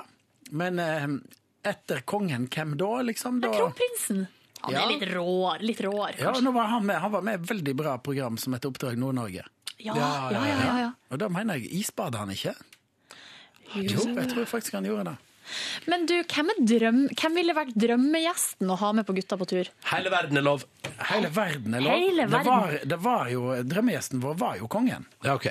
Så det var jo eh, fantastisk for oss å få med kongen hvis jeg skulle ja, Det er litt sånn vanskelig. Det måtte jo, måtte jo kanskje være Indiana Jones, da. Harrison Ford. Welcome Harrison Ford to Gutta på tur. Gjennom, hvis du skulle virkelig gjennom historien, hvis du kan reise i tid og rom, så måtte det være å, å være på utflukt med Harald Hårfager òg, tror jeg Åh, var ja, ja, ja. artig. Du kunne kombinert kalt det Gutta på tur arkeologene spesial. Ja. Hei, slå sammen ting. Du, Vi skal på videre til en annen type tur, fordi Stigergutt han lurer på Hei Arne, hvordan tror du det hadde vært eh, å vært med på charterferie med Svein? Altså på, på selveste charterferie. Ja, det kunne jo vært artig, liksom. Enten TV-programmet Ja. eh, Hva heter Nå har jeg glemt hva det heter. Charterfeber. Ja. Charterfeber, ja. Eller bare Ja. charterferie. Jeg har jo vært på chartertur, jeg. Så um, eh, jeg var på, nede i gamle, gode Jugoslavia rett etter gymnaset sammen med en kompis. Det var artig, det. Men, Hva eh, opplevde dere der? Nei, vi var jo inne i den elva der eh, Tarzan-filmene ble spilt inn. Det Høres så- ikke så så ble ut. storma politiet i hotellrommet vårt fordi at jeg hadde da rappa et bilskilt for et bilvrak som lå i en jeg tenkte jeg, tøft å ha på Var veggen. på grise, grisecharterfylla i Jugoslavia, du da? Nei, nei, i grøft så lå det en bi- bilvrak, og der sto det et jugoslavisk bilskilt med sånn hammer og sigd, og det var kjempekult. Og så skrudde jeg det av og la det i, i, i skåpet på hotellet. Men der viste det seg i gamle Jugoslavia kommunisttida, så var jo eh, stuepikene var jo eh, informanter. Så da kom det hemmelige politiet og banka på og skulle ha tilbake skiltet. Men Arne, apropos tur. Du har jo, nå har jo du bodd ekstremt mange plasser i verden. Jeg har bodd ja, ni-ti forskjellige plasser. Hvor, hvor, dra du har bodd, i Japan, Eh, Nei, i Hongkong. i Hongkong. Du har Ja. bodd i Hongkong, Ja. og så har du bodd i New York. Ja. Um, Og Voss. Og og Voss. Ja. Ikke glem Voss! Eksotiske plasser, alt det du nevnte der. Ja, ja, ja. Men, eh, men eh, hvordan har det vært? Det var helt fantastisk å bo i Hongkong. Det er min favorittby på denne jord. Det er sånn blanding av det kinesiske, asiatiske og det vestlige. En sånn utrolig flott uh, miks. Og det er, jeg, liker, jeg liker veldig godt kinesere. De er morsomme folk, de er interessert i mat, og de liker tull og tøys. Ett turisttips i Hongkong. Ett eneste. Et eneste er å ta ferja ut på ei øy som heter Lamma Island. Det går sånne ferjer ute, masse øyer der. Og så går du over øya i fantastisk deilig vær, og så kommer du ned til ei lita bukt, og der ligger det 100 forskjellige sjømatrestauranter som serverer levende sjømat som du plukker ut, og så steiker de det, og så får du sånne murere med kaldt kinesisk øl, og så sitter du og ser utover verdens travleste havn. Det er helt fantastisk. Det der er turisttips. Ja. Vi må videre. Dessverre. Vi må videre til vår spørsmålsrett! Og der er det altså så enkelt som at Arne trekker seg en lapp fra vår bolle, og på lappen står det et tall. På lappen står det rett og slett eh, nummer tre. Tre. Og da får du spørsmål nummer tre i vår rulett, og her kommer det. Hva er det rareste du har gjort for kjærligheten? Ha-ha, det er vel eh, å skrive, opp, eller, skrive dikt er det rareste jeg egentlig har gjort for kjærleiken. Når og og hvorfor? Jeg eh, satt og skrev dikt når jeg var nattevakt på hotellet inne i Hardanger. Og så eh, drev jeg og samla disse dikta, og de eh, var jeg jo ikke, jeg viste det ikke til noen. Men så, når jeg ble interessert i hun som jeg bor i lag med, så eh, stensilerte jeg dem opp, da. Oh. Festa de sammen med en, med en binders, og så eh, la de da, sneik meg bort og la de i postkassa eh, hennes. Husker du et av dikta? Ja, det var ja, det er noen av de som, Jeg har gitt ut tre diktsamlinger, men noen av de ble faktisk ikke med, de som var med den gangen. Et var 'Sett deg på hesten og ri, ut i skogen og opp ei li'. Der sitter nemlig jenta mi eh, på bjørkerot med flis i baken. Eh, og så var det et eller annet med naken det, Nei, jeg tror jeg stopper der. Jeg, jeg, jeg, jeg, stopper litt der, siden det er tidlig på morgenen. Men du sjekker opp dama di rett og slett med diktsamling? Ja, det er selvfølgelig det, Mange sier at det der damer eh, vil ikke ha en mann med Damer sier sånne intervjuer sånn, jeg vil ha en mann med humor og godt humør, og sånn, og så velger de en eller annen høy, mørk eh, dust. ikke sant? Ja. Men noen damer eh, mener det faktisk òg. Det er håp for de fleste. Åh, Arne Hjeltnes, tusen takk for besøket i P3 Morgen. Siste program Arkeologene nå på søndag på NRK Fjernsynet. Og så får du ha eh, god 17. mai-feiring. Hvordan skal du feire dagen? Jeg skal feire sammen med mm, barn og familie og ja, 17. mai-frokost og ut og se på tog og Ja. vifte med flagg og på med bunaden og en liten, uh, liten en i vesten på ettermiddagen. Okay. God feiring! Ja, god morgen. Her er 30 Seconds to Mars med deres nye singel Up in the Air på NRK P3 kvart på ni på en tirsdag morgen i mai. The Lumineers på NRK P3 ti på ni. Ho hei, og de skal til Hovefestivalen, vet du. Og spille for folk i forhåpentligvis solskinn og varme i begynnelsen av juli der. Dette er P3 Morgen. Ronny heter jeg. Silje sitter her Hallo. med headset på og blå skjorte for anledninga. Stemmer det? Mhm, Business, casual business i dag. Ja, vi skal ha besøk av eh, Arne Hjeltnes, som er businessmann slash eh, høyredude og eh, eh, TV-mann. Så Ja. måtte jeg ha på meg blå skjorta mi. Mm. Og Yngve Hustad Reite går i svart. Ja. Eh, Sørgekledd. Eh, Det er med triste øyne jeg kan lese. altså, Husker dere tilbake til i går? Kan dere huske i går? Da vi snakka om eh, ukeskåring. Ja, ja, ja. Hvilken uke er vi i? Den nasjonale uke! Ja, vi sto i fare for å kåre det til Blipp-uka, den store Blipp-uka, men eh, Stian Blipp? Ja, eh, for de har jo aldri sett maken på til oppmerksomhet for en enkelt mann. Ja, men han er jo dritflink. Ja, ja, ja, helt enig. Og Derfor så eh, vurderte de å kalle det for Blipp-uka, men nå er liksom den over. Eh, Så det var egentlig forrige uke som kunne vært Blipp-uka. Glem det! Nasjonale uke. Det er 17. mai på fredag. Vi skal feire grunnlovsdagen. Den er Kan jeg bare kjapt si at vi skal feire grunnlovsdagen så til gangs med P3 Morgens store 17. mai-frokost direkte på P3 fra 7 til 11! Den er 199 år gammel nå på fredag. Er den ikke det? Jo. Jo. Eh, Jo, det stemmer Glem det! Glem det. Og så sier jeg at vi må ta vare på korpsene våre. Ta vare på, Husk på at de skal øve, hvis ikke så høres det falskt ut og rart ut på, eh, på 17. mai. Og Derfor er mange korps ute og går denne uka her. Og har ikke jeg før sagt det, så skjer dette på Tromsøya. Hvor er det, Silje? Det er i Troms Ja. eh, fylke. Så er det, eh, altså jeg kan lese overskrifta som står i Dagbladet. Bilist forsøkte å meie ned musikkorps med 60 barn og unge. Ingress ikke flir. Han satte opp farten, la seg midt i veien og kjørte rett gjennom korpset med et balltre stikkende ut av vinduet. Det her går ikke. Altså, her var det unge aspiranter som bare har vært altså Det er første året de er med i korpset i det hele tatt, og så skjer dette her umiddelbart idet de er ute og øver på veien. De er jo vant til at biler stopper på sida, sånn som man skal gjøre, og så la korpset passere. Jeg kan skjønne at hvis du er i Bergen og de har korpsøving hver dag hele året, så er det noe litt annet. Men på Tromsø må du må tåle det her i nasjonal uke. Men hvis en person har kjørt i full fart gjennom et korps med balltre ut av vinduet, så tenker jeg psykisk eh, sjukdom! Ja, han var visst berusa. Eh, og ble Ja, ok. tatt umiddelbart. Men eh, altså eh, Men du, ble noen skada? Det- Nei, heldigvis eh, så er korpset fulltallig. Men altså, det, det er jo snakk om psykiske skader her. da. Han ble jo livredd, selvfølgelig. Ja. Eh, Men Katrine Figenschou og Kristin Skjærvold tok ansvar, og så samla de alle barna inne på et forsamlingslokale. Og så tror du ikke at de gikk ut igjen og fullførte øvinga. Fullførte Ah. hele runden på Sørøya, eller hva de kalte det. Jo, Tromsøya. påtenkte runden på Sørøya på Å, ja. Tromsøya. Så eh, det blir 17. mai i år òg, på tross av eh, sinnssyke folks eh, evne til å prøve å ødelegge moroa. Vi får se, da. Det er jo noen dager igjen nå, før det Men bare husk på det nå. Eh, det er den nasjonale uke. Tolerer det.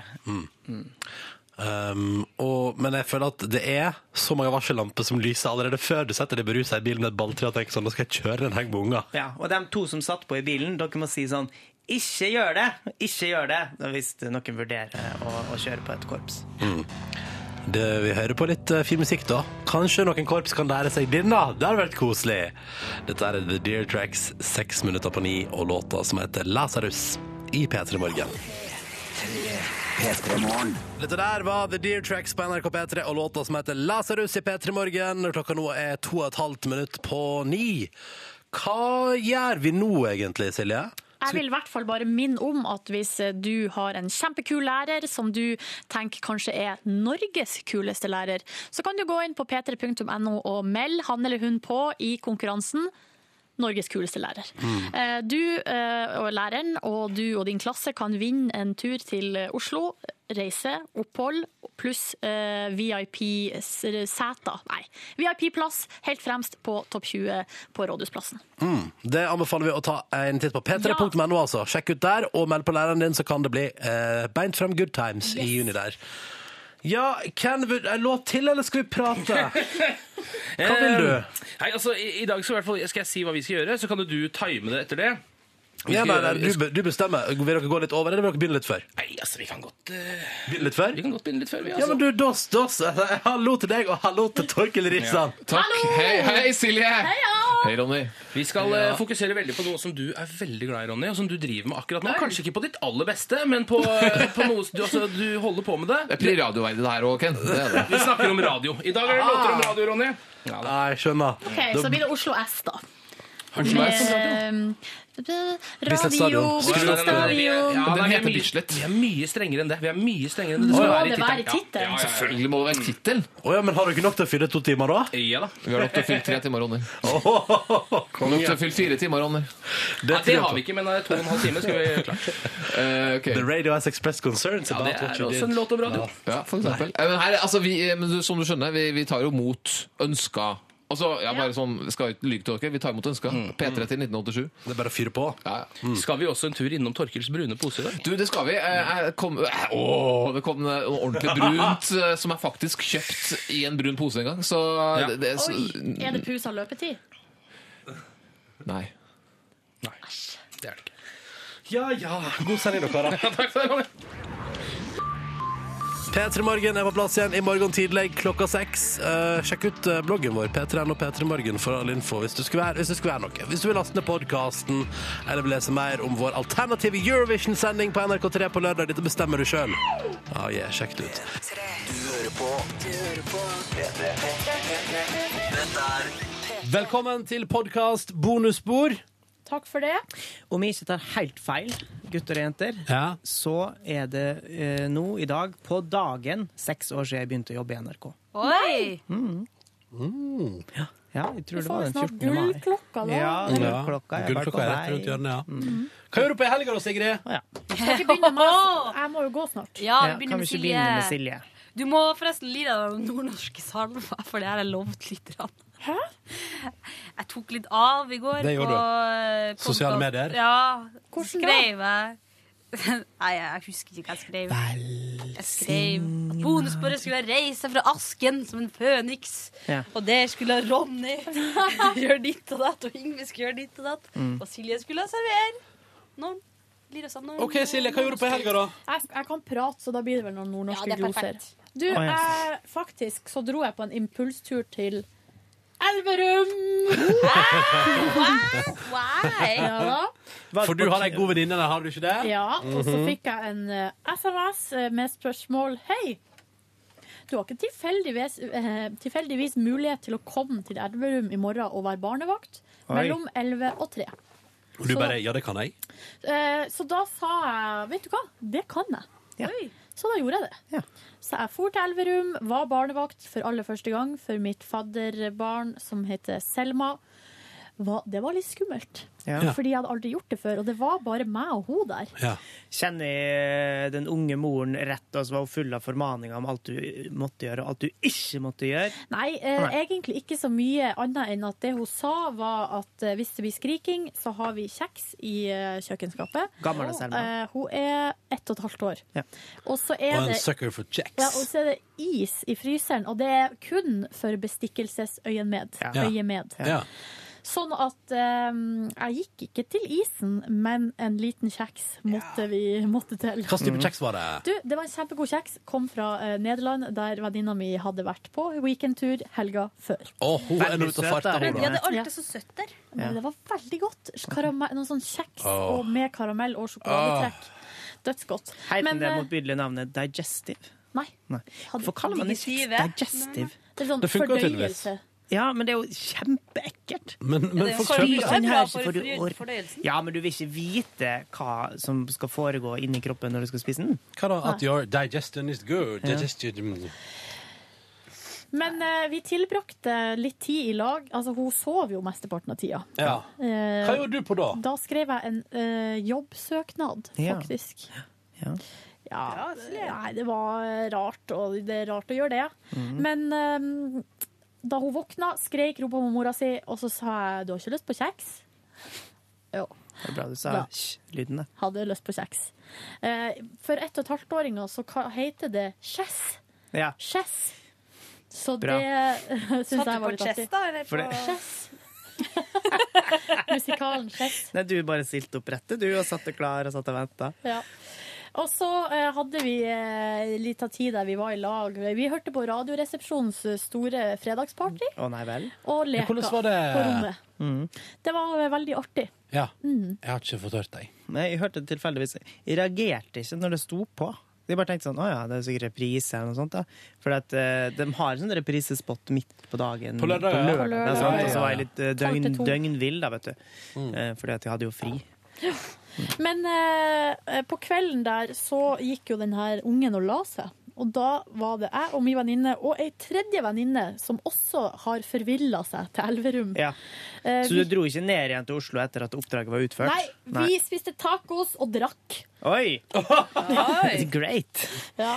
Mora der eh, tok det vel litt piano, men vi andre trengte ikke det. Hvem var vi andre da i denne sammenhengen? Det var jeg og, Hvis du følger med, så får du med deg det. Det var jeg og ei tredje venninne som har forvilla seg til Elverum. Jeg visste det. Alle tre fra Hamarøy. Ja. Mm Og var Hamarøy-treffen 2013 på Elverum? AJ snakka om jenteting. Oi. Ja, gutta og jenta jenter, da, for si min del. Og så snakka vi om eh, litt mimring og Nei, det var litt forskjellig sånt. Ja.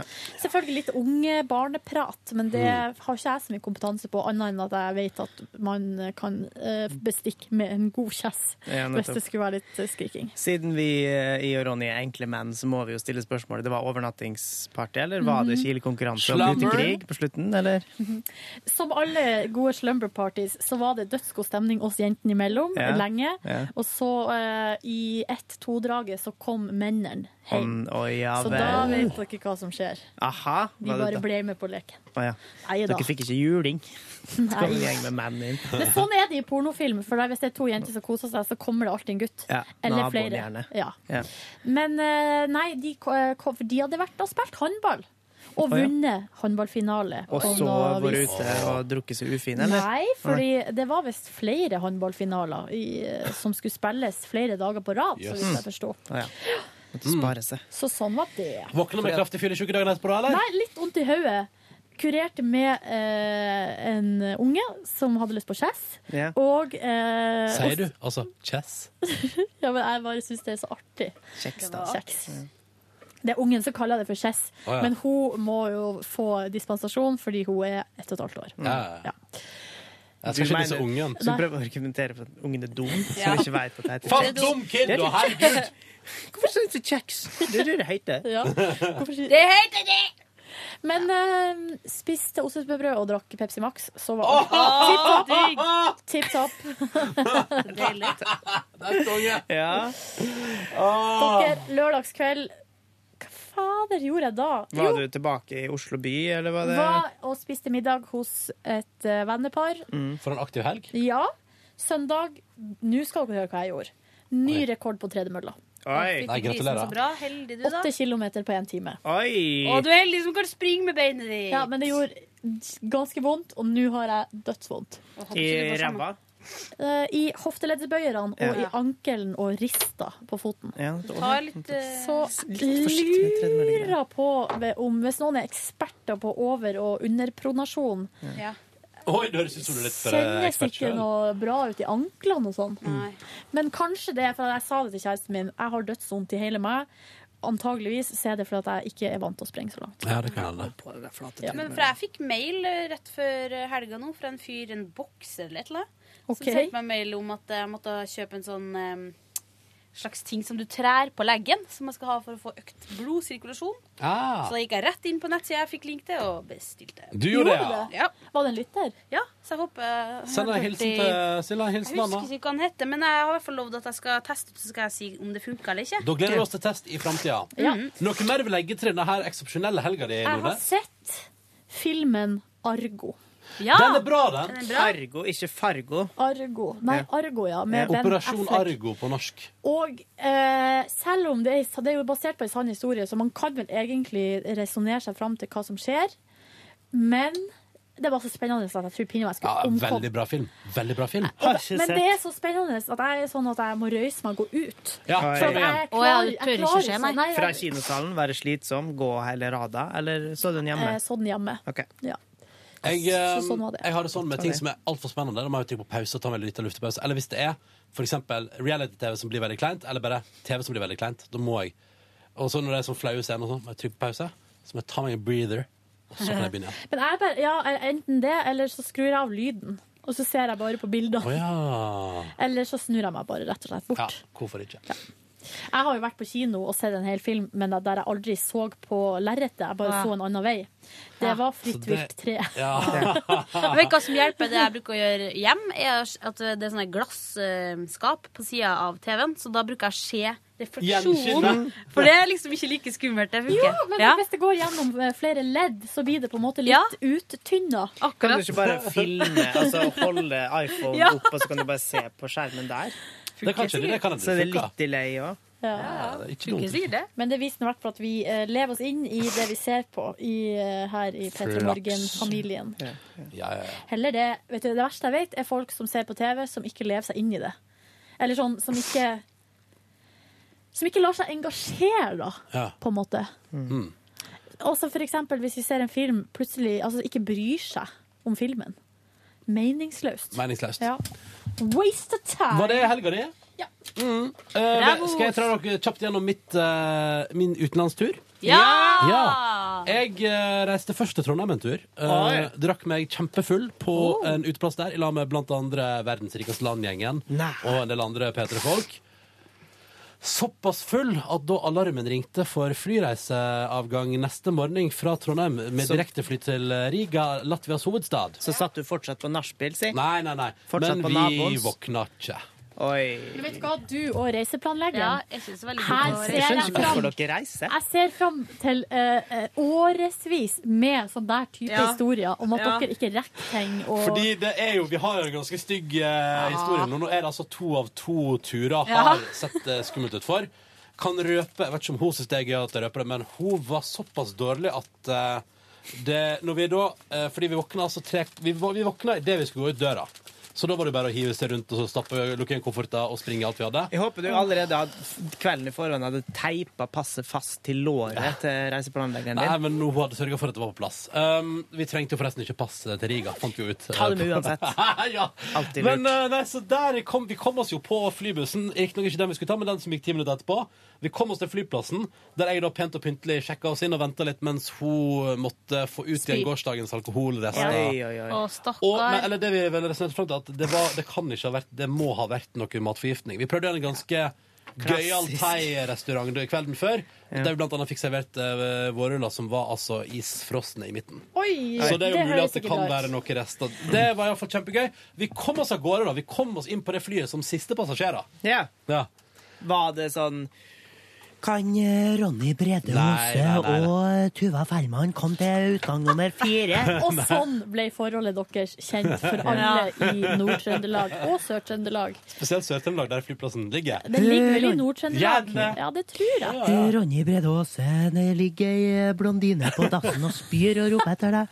Det var artig Kan eh. Ronny Brede Aase komme til dassen i tredje etasje? Vi kom oss på flyet. Det gikk bra. Altså. Det gikk fint. Sorry. Ah, Hvem god du ha! da? Lykke til, da. Ja, du får ja, gjør det du skal gjøre. Du må bare gjøre den greia du skal gjøre. Hei, skal ikke du ta med stiftuttrekkeren din? Nei, det er ikke min. Nei. Ha det bra. Ha det.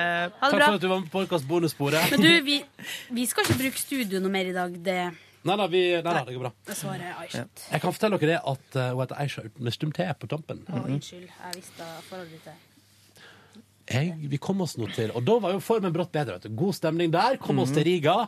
Eh, og fikk spist altså da noe villsvinburger. Fikk du stappa henne i en tyggis og en munnspray eller noe sånt før dere gikk på flyet, eller var det bare hun ordna det sjøl. Det Ja, gikk bra. ja. Det, det, altså, nå, jeg, nå, nå var jeg sikkert litt for utleverende.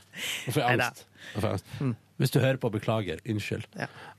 Um, for jeg kommer til å si at jeg har sagt det. Si at det var jeg som pressa deg til det. Ja.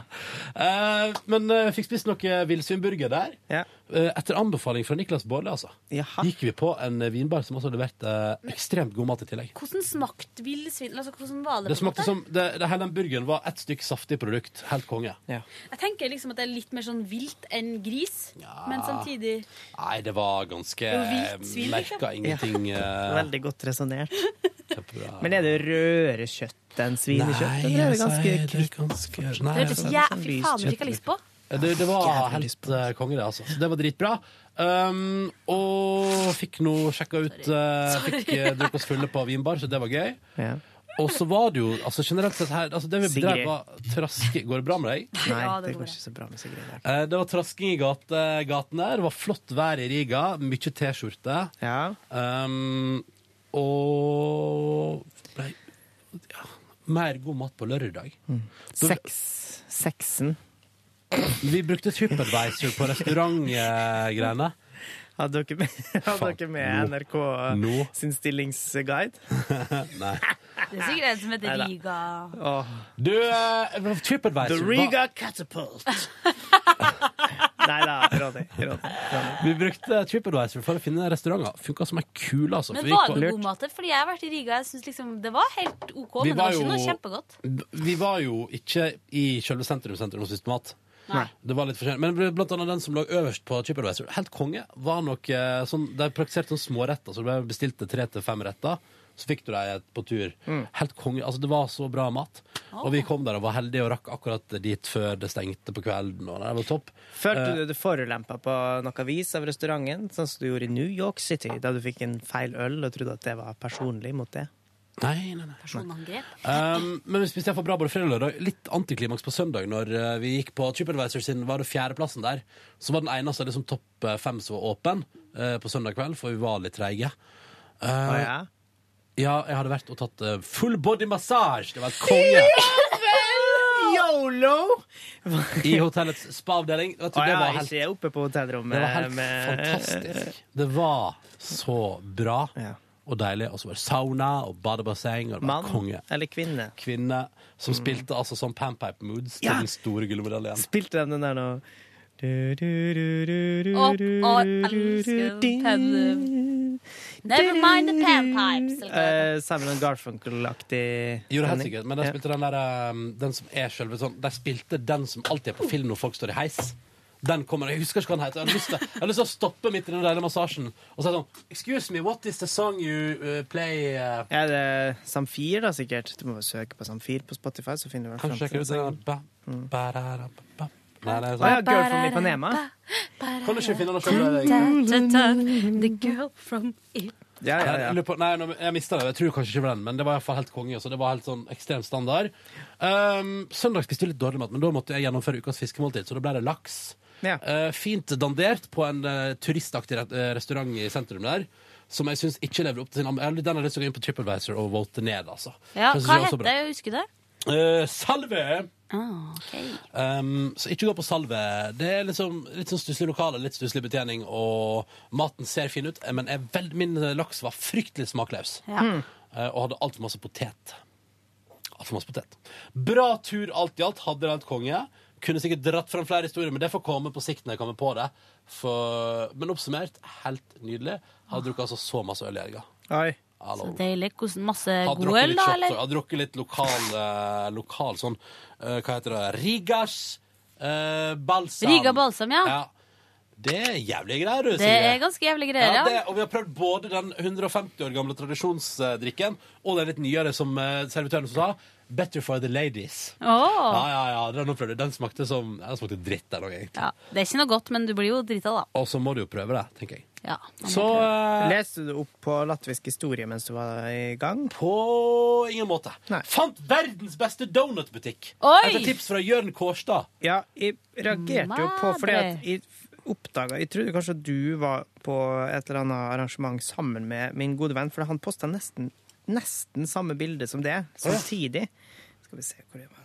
Men i alle fall, Nei, The Donuts i uh, Riga. The Donuts heter det faktisk. Eller The Donuts. Så jævlig godt. Og jeg spiste pistasje-donut og eh, donut med sjokoladeglasur, men med vaniljekrem inni. Men hvordan var eh, pistasjedonut? Var det liksom biter Som eller Som smak å spise pistasjeis. Og pistasje? Bare at den var litt varmere? Ja, så var det på toppen av en donut som allerede var helt konge. Ja. Og hvis det er noen podkastlyttere som vet om gode donuts i Oslo, si ifra da vel. For jeg er down. I, eh, Flydde tilbake til hovedstaden i du- Norge i går. Kjøpte meg øl på taxfree. Kjøpte Vet du, helt ærlig, jeg smugla litt. Grann. Jeg tok meg litt for mye øl i går. Eller jeg tok meg litt for masse øl i tillegg til den literen med rom som jeg også hadde med meg. Men er ikke det deres ansvar å si ifra? Hei, det der går ikke. Ja, men jeg kjøpte, kjøpte den literen med rom i Latvia for mine siste kontanter, og så kjøpte jeg to sekser med øl. Jeg. Se her. Det er et helvete å bære med seg hjem igjen. Er dine donuts. Ja. Og her er min gode venn Bårds sveletakke. Ja, men Som postes samtidig, der det er, du har fått smiley på din donut, og han har laga smiley på sveletakka. Ja, og sånn holdt nå vi på, da. På hver vår kant av verden. Du, på hver deres del av Botnviken. Eh, spørsmålet mitt var Jo, hadde du det like moro som meg med å lese høyt fra eh, alle Rigas For jeg var i Riga for noen år siden. Eh, Pannekakeutsalg, der du leste høyt 'Pannakukas'.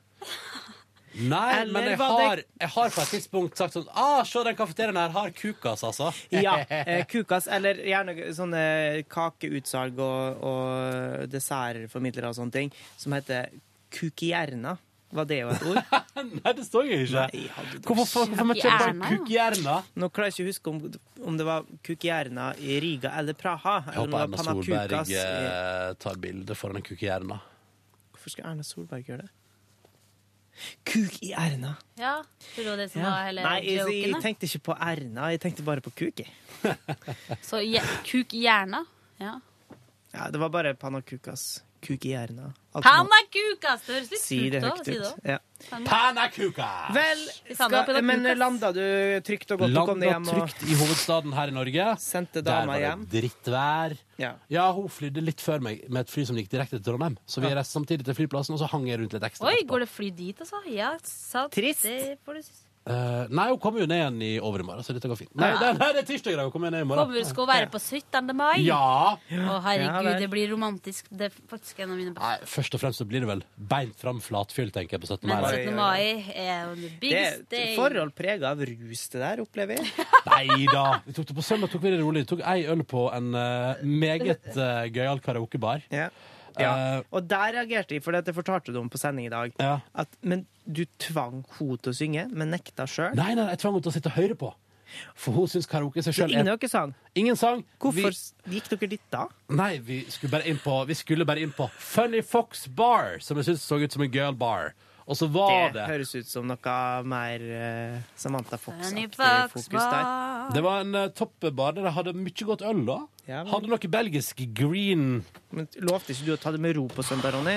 Jo, men jeg tok det med ro. Ja, okay. Drakk ei, drakk fire øl. Ja, uh, men hun drakk ei. Mm. Og vi så karaoke, og det var et show uten like.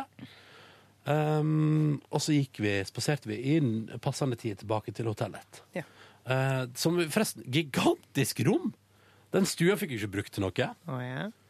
Det var jo- Og så helt oppe på loftet der er masse loftbjelker som jeg holdt på å gå på hele Å, tida. ja. Ja, ja, ja. Mye å holde seg fast i, da. Og som sagt, eh, da de sa 'We have upgraded you', å ja, så hyggelig, to romantic eh, suite. eh, og da var det eneste som jeg tror utgjorde at det var romantic, var altså det gedigne badekaret. Hvorfor, hvorfor Instagrammer ikke det? Ja, det Hvorfor. Instagrammer ikke altså, Du burde ha var- bada og tatt bilde av deg og kunne Tuva oppi det. svømme fra kant til kant? Nei, det var liksom sånn tomannsbadekar med selvfølgelig sånn rygglene på hver sin side av badekaret. Mhm. Midt i rommet, i stua. Det var liksom ingenting annet i stua der. På sånn opphøyning, på en liten sånn scene på et vis. Oi, ja, Jævlig rare greier, Lå altså. dere i det? Eh, da? altså? Det, det ble prøvd, eh, prøvd på et tidspunkt der, ja. Eh, uten at det Du- nødvendigvis I drita til seg, eller? Du har så store problemer med å komme unna eh, med, med å fortelle dette her som liksom en eh, Obskønitet? Ja. Jeg kan fortelle, jeg kan fortelle at jeg har Jeg har sovna i, jeg har sovna i det badekaret der. Det, Ja, okay. det, det var bare å lene seg tilbake på det reglene der, så snorka jeg med en gang. Ja. Det var, det, vet du, det var rare. Altså, tenker jeg sånn at eh, Lykke til med å unngå fuktskader. da Ingen form for våtromsopplegg der. Mm. Jeg vet du Det hørtes jævlig artig ut. Sånne hoteller Ja, pusses opp ganske ofte, vet du. Ja, ja, ja, må jo det. Holde seg oppdatert på tida. De har jo tross alt opptil flere stjerner å passe på. Mm. Men eh, bra. Jeg skal fortelle mer om rigaturen min når dere Ah, skal få gleder høre meg hvordan det til å gikk med løsning av ukas oppdrag i min lavterskel livsstilsendring. Ja, ja, ja, det skal vi få høre i morgen. Det Og gleder jeg da meg til. er det i morgen, ja. Og Ja. da skal dere få høre ting som ikke har kommet fram her i dag. Å ja? Var det en annen type gymnastikk? Følg med i morgen for alt om det. Ja. Jeg skal jeg gå til min helg, eller? Kanskje du tar oss gjennom helga di? Ja, eh, jeg var, jo, jeg var jo i kristelig oppdrag i helga. Jeg skulle hjem til eh, Molde by, som er den byen der jeg er født, på Molde sykehus, for å delta i dåpen til mitt yngste onkelbarn. Eh, Det var ei bitte lita jente som da skulle døpes på Kristi himmelfartsdag. Vi møtte opp i kirka, spent alle mann. Vi Det høres ut som en historie fra virkeligheten. ja. Først så tok vi flyet rimelig seint, da. Kjørte ut til Gardermoen fordi at vi har tilgang på en bil nå. Det var jo interessant. Det regna noe inn i helvete, så vi hadde jo vannplaning og faenskap. Eh, og det vi trodde var ganske dårlig tida, eh, i hvert fall når det viste seg at vi snart var tom på tanken, og det begynte å lyse på dashbordet. Så kjørte vi innom en eh, bensinstasjon, fylte så fort som bare helvete. Det var jeg som sto for den. Mens dama satt i bilen med liksom Hun kunne ikke ha nøkkelen til tenninga, da, naturligvis. Men eh, det var ikke langt ifra. Og så eh, kjørte vi til eh, Gardermoen, fant en ledig parkeringsplass og sprang av gårde for å nå flyet vårt. Det gjorde vi. eh, Med god margin, sånn at vi var innom min altså mest besøkte, kanskje Norges mest besøkte bokhandel. Haugen Bok? eh, Nei, nei, den bokhandelen på Gardermoen. Ja, ja. ja, ja. Jeg har kjøpt Eh, omtrent 90% av bøkene jeg har kjøpt i mitt voksne liv. Jeg har kjøpt i den bokhandelen. Ja, samme her. Og der var jeg innom og kjøpte eh, bøker. Eh, I flertall? Ja. Eh, What kind of to til meg og ei til dama, og fikk lov til å velge den hun ville ha. Oh, så raust av deg. At du ikke tvang henne. Ja. Eh, hæ? Var det stillingsguiden? Stillingsguiden. Nei, den er på internett. Den er på er internett, av og til vil du ha bildebok og blad. ikke sant? Ja, ok. Yngve sa dette som Magiske bildebok. Nei, eh, og så satte vi oss på flyet, fløy Vi fikk dessverre ikke sete attmed hverandre. Det var litt irriterende. Nei. Jo. Flyet var overraskende smekkfullt. Det var jo på grunn av at det er noe helvetes streikefaenskapen som ødela store deler av dåpen vi skulle i, da. Fordi at eh, eldstebroren min kom seg jo ikke hjem. Nei. Jo. Eh, og da vi kom fram til eh, Molde by, så ble vi sittende og spise veldig god kveldsmat sammen med min mor og min far. De som Hva liksom har stått for at de kom til verden. Eh, det var eh, brød og ost og pålegg og litt pils og vin og forskjellig, da. Og jeg ble fråtsorama. Meget, eh, meget korrekt. Eh, og så hadde vi dagen etter starta med litt stress for vår del, for at vi måtte kjøre ut til nabokommunen, der min kvinne kommer fra. og- Frena! Frena kommune, og hente bunaden hennes. Og fordi den Ja. hadde glemt? Nei, Den var glemt, og i bilen på vei ut så ble jeg litt irritert, for da ringte mutter'n til dama mi og ikke til meg, for at jeg kjørte, og sa at skjorta mi var skitten. Altså, jeg hadde jo forhåndsgodkjent den skjorta. Ja, jeg hadde brukt den én gang, men eh, det betyr ikke at hun var skitten, så mamma la den på vask. Og det, jeg fikk jo panikk, da, så sier jeg men hva i all verden skal jeg ha på meg i kirka da? For den blir jo ikke tørr. Eh, nei, da kunne de låne ei skjorte av fatter'n, men han er jo litt større enn meg. Ja, ja. at, uh, ja. Men, uh, men så hadde hun heldigvis òg slengt den i tørketrommelen, da. Sånn at de måtte bare stryke den og fikk den på meg. Litt våt i snippen, gjorde ingenting. Tørka fort. Eh, på gården der vi henta eh, bunaden, der var det jo eh, kommet eh, liv denne våren. Det var fire kjempesøte små hundekvalper som sprang rundt i hundegården. Eh, og så hørte vi eh, breking fra fjøsen, der det var visst en sau som var blitt sjuk som måtte avlives. Nei. Men vi kjørte fort av gårde, slik at min kvinne slapp å være der mens det det her skulle foregå. Eh, og så rakk vi kirka med OK margin, sånn fem minutter eller noe sånt. Satt der, eh, hørte på og sang med i salmene. Hva for salme var det som ble sang du? Nei, altså, litt for oss? egentlig så synger jeg ikke så veldig mye når jeg er i kirka, men jeg liker å sitte og høre på orgelet. Men så sang vi en sang som jeg syns er så forferdelig fin. Eh, jeg husker ikke når jeg oppdaga den. Det må ha vært i et eller annet bryllup, for det er jo bare da man er Eller en begravelse i kirka. Deg være Nei, nei eh, ikke en sånn hit, eh, men Er det en som der- heter Sånn prektig forkledd som Nei, jeg kan, Nei. jeg kan ingen, jeg. Nei. Men det er bra forsøk, eh, Velle, Velle, Valle. Faen, hva heter den, da? Den heter mm, Nei, okay. så tjukk du har blitt. Jeg tror jeg prøvde å finne fram et eller Veldig gøy hvis det er Og da tar vi fram salmeboka og begynner på Ole Ivars klassiker. På Nei, tillegg.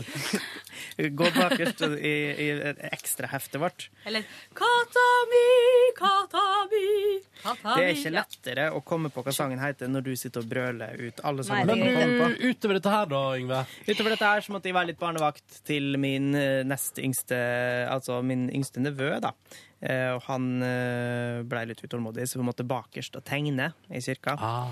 Og så eh, var det full dåp med jævlig god mat. Tegna dere på mi- veggen da, i kirka, eller? Nei, nei, vi tegna på et papir, kvinne. Eh, og så hadde vi, hadde vi dåp hjemme hos oss, da, i Ibsens vei. Eh, Og så eh, var vi borte og ja. Nei, det var egentlig bare hele familien var samla, og det var jævlig koselig. Ja. Mm. Dagen efter så dro vi ut i Frena kommune eh, og skulle oppholde oss der eh, noen dager. Mm. Og der var jeg gårdsgutt og hjalp til med å melke Drepe seg? Nei, nei der, nå var alle ferdige, men de skulle merkes og få på seg bjelle, for noen skulle til skogs, eller til fjells, da. Mm. Og så måtte jeg få medisiner, og det var et lite lam som ikke hadde mor, så det, jeg måtte hjelpe det med å Å, det er på en smokk med melk. Eh, og alt mulig. Så det var veldig morsomt å holde på i den Fikk du lyst til å ha lammet? Sånn Eh, nei, fordi at den blir til, til slutt en veldig stor og klossete sau. Men jeg drev og sloss masse med sau og fanga dem inn og holdt og styra i, i helga. Det var, ja, det var utrolig utrolig skulle ønske festlig. bilde av det. Eller en liten video, faktisk. Ja. Neste gang. En Ja. liten videosnutt. Ja, det må vi be om. Eh, avslutta hele Molde-oppholdet med å sitte og spise sammen med mutter'n og fatter'n, og det var veldig hyggelig. Molbo-oppholdet, var det det? Nei, Molde-oppholdet. Oslo, dårlig vær. Bedre nå. Ja. Sweetness. Mm. Flott helg. Flott helg i Um, kveld. Just det. Jeg skal på musikkmøte. Spørsmål Ja, det skal du. Skal Men, vi eh, spare Sigrid til i morgen? Ja, det går helt fint, det. Ja. Ja da. Jeg har jo bråka så mye nå likevel Du, vi sparer, vi sparer din eh, For jeg vet at du har god historie fra helga. Dere har jo vært ikke så langt fra hverandre, dere to. Ja, så vi vi møttes i eh, kommunen imellom og Sigrid. hadde en real gangbang. Ja. Følg med for er det- historie om det i morgendagens podkast. Hva er det som er problemet mitt? Hva mener du med det? Eh, du, nå, her har jeg navnet på salma. Den heter Deg å få skåda. Deg å få skåda. Ja, Altså, et, lite, Skåda, et lite utdrag. Det er sånn rå, typisk råneplass som Molde har Du er jo full av vitser i dag. Ja, men hva er det? Gud være syn som i. Det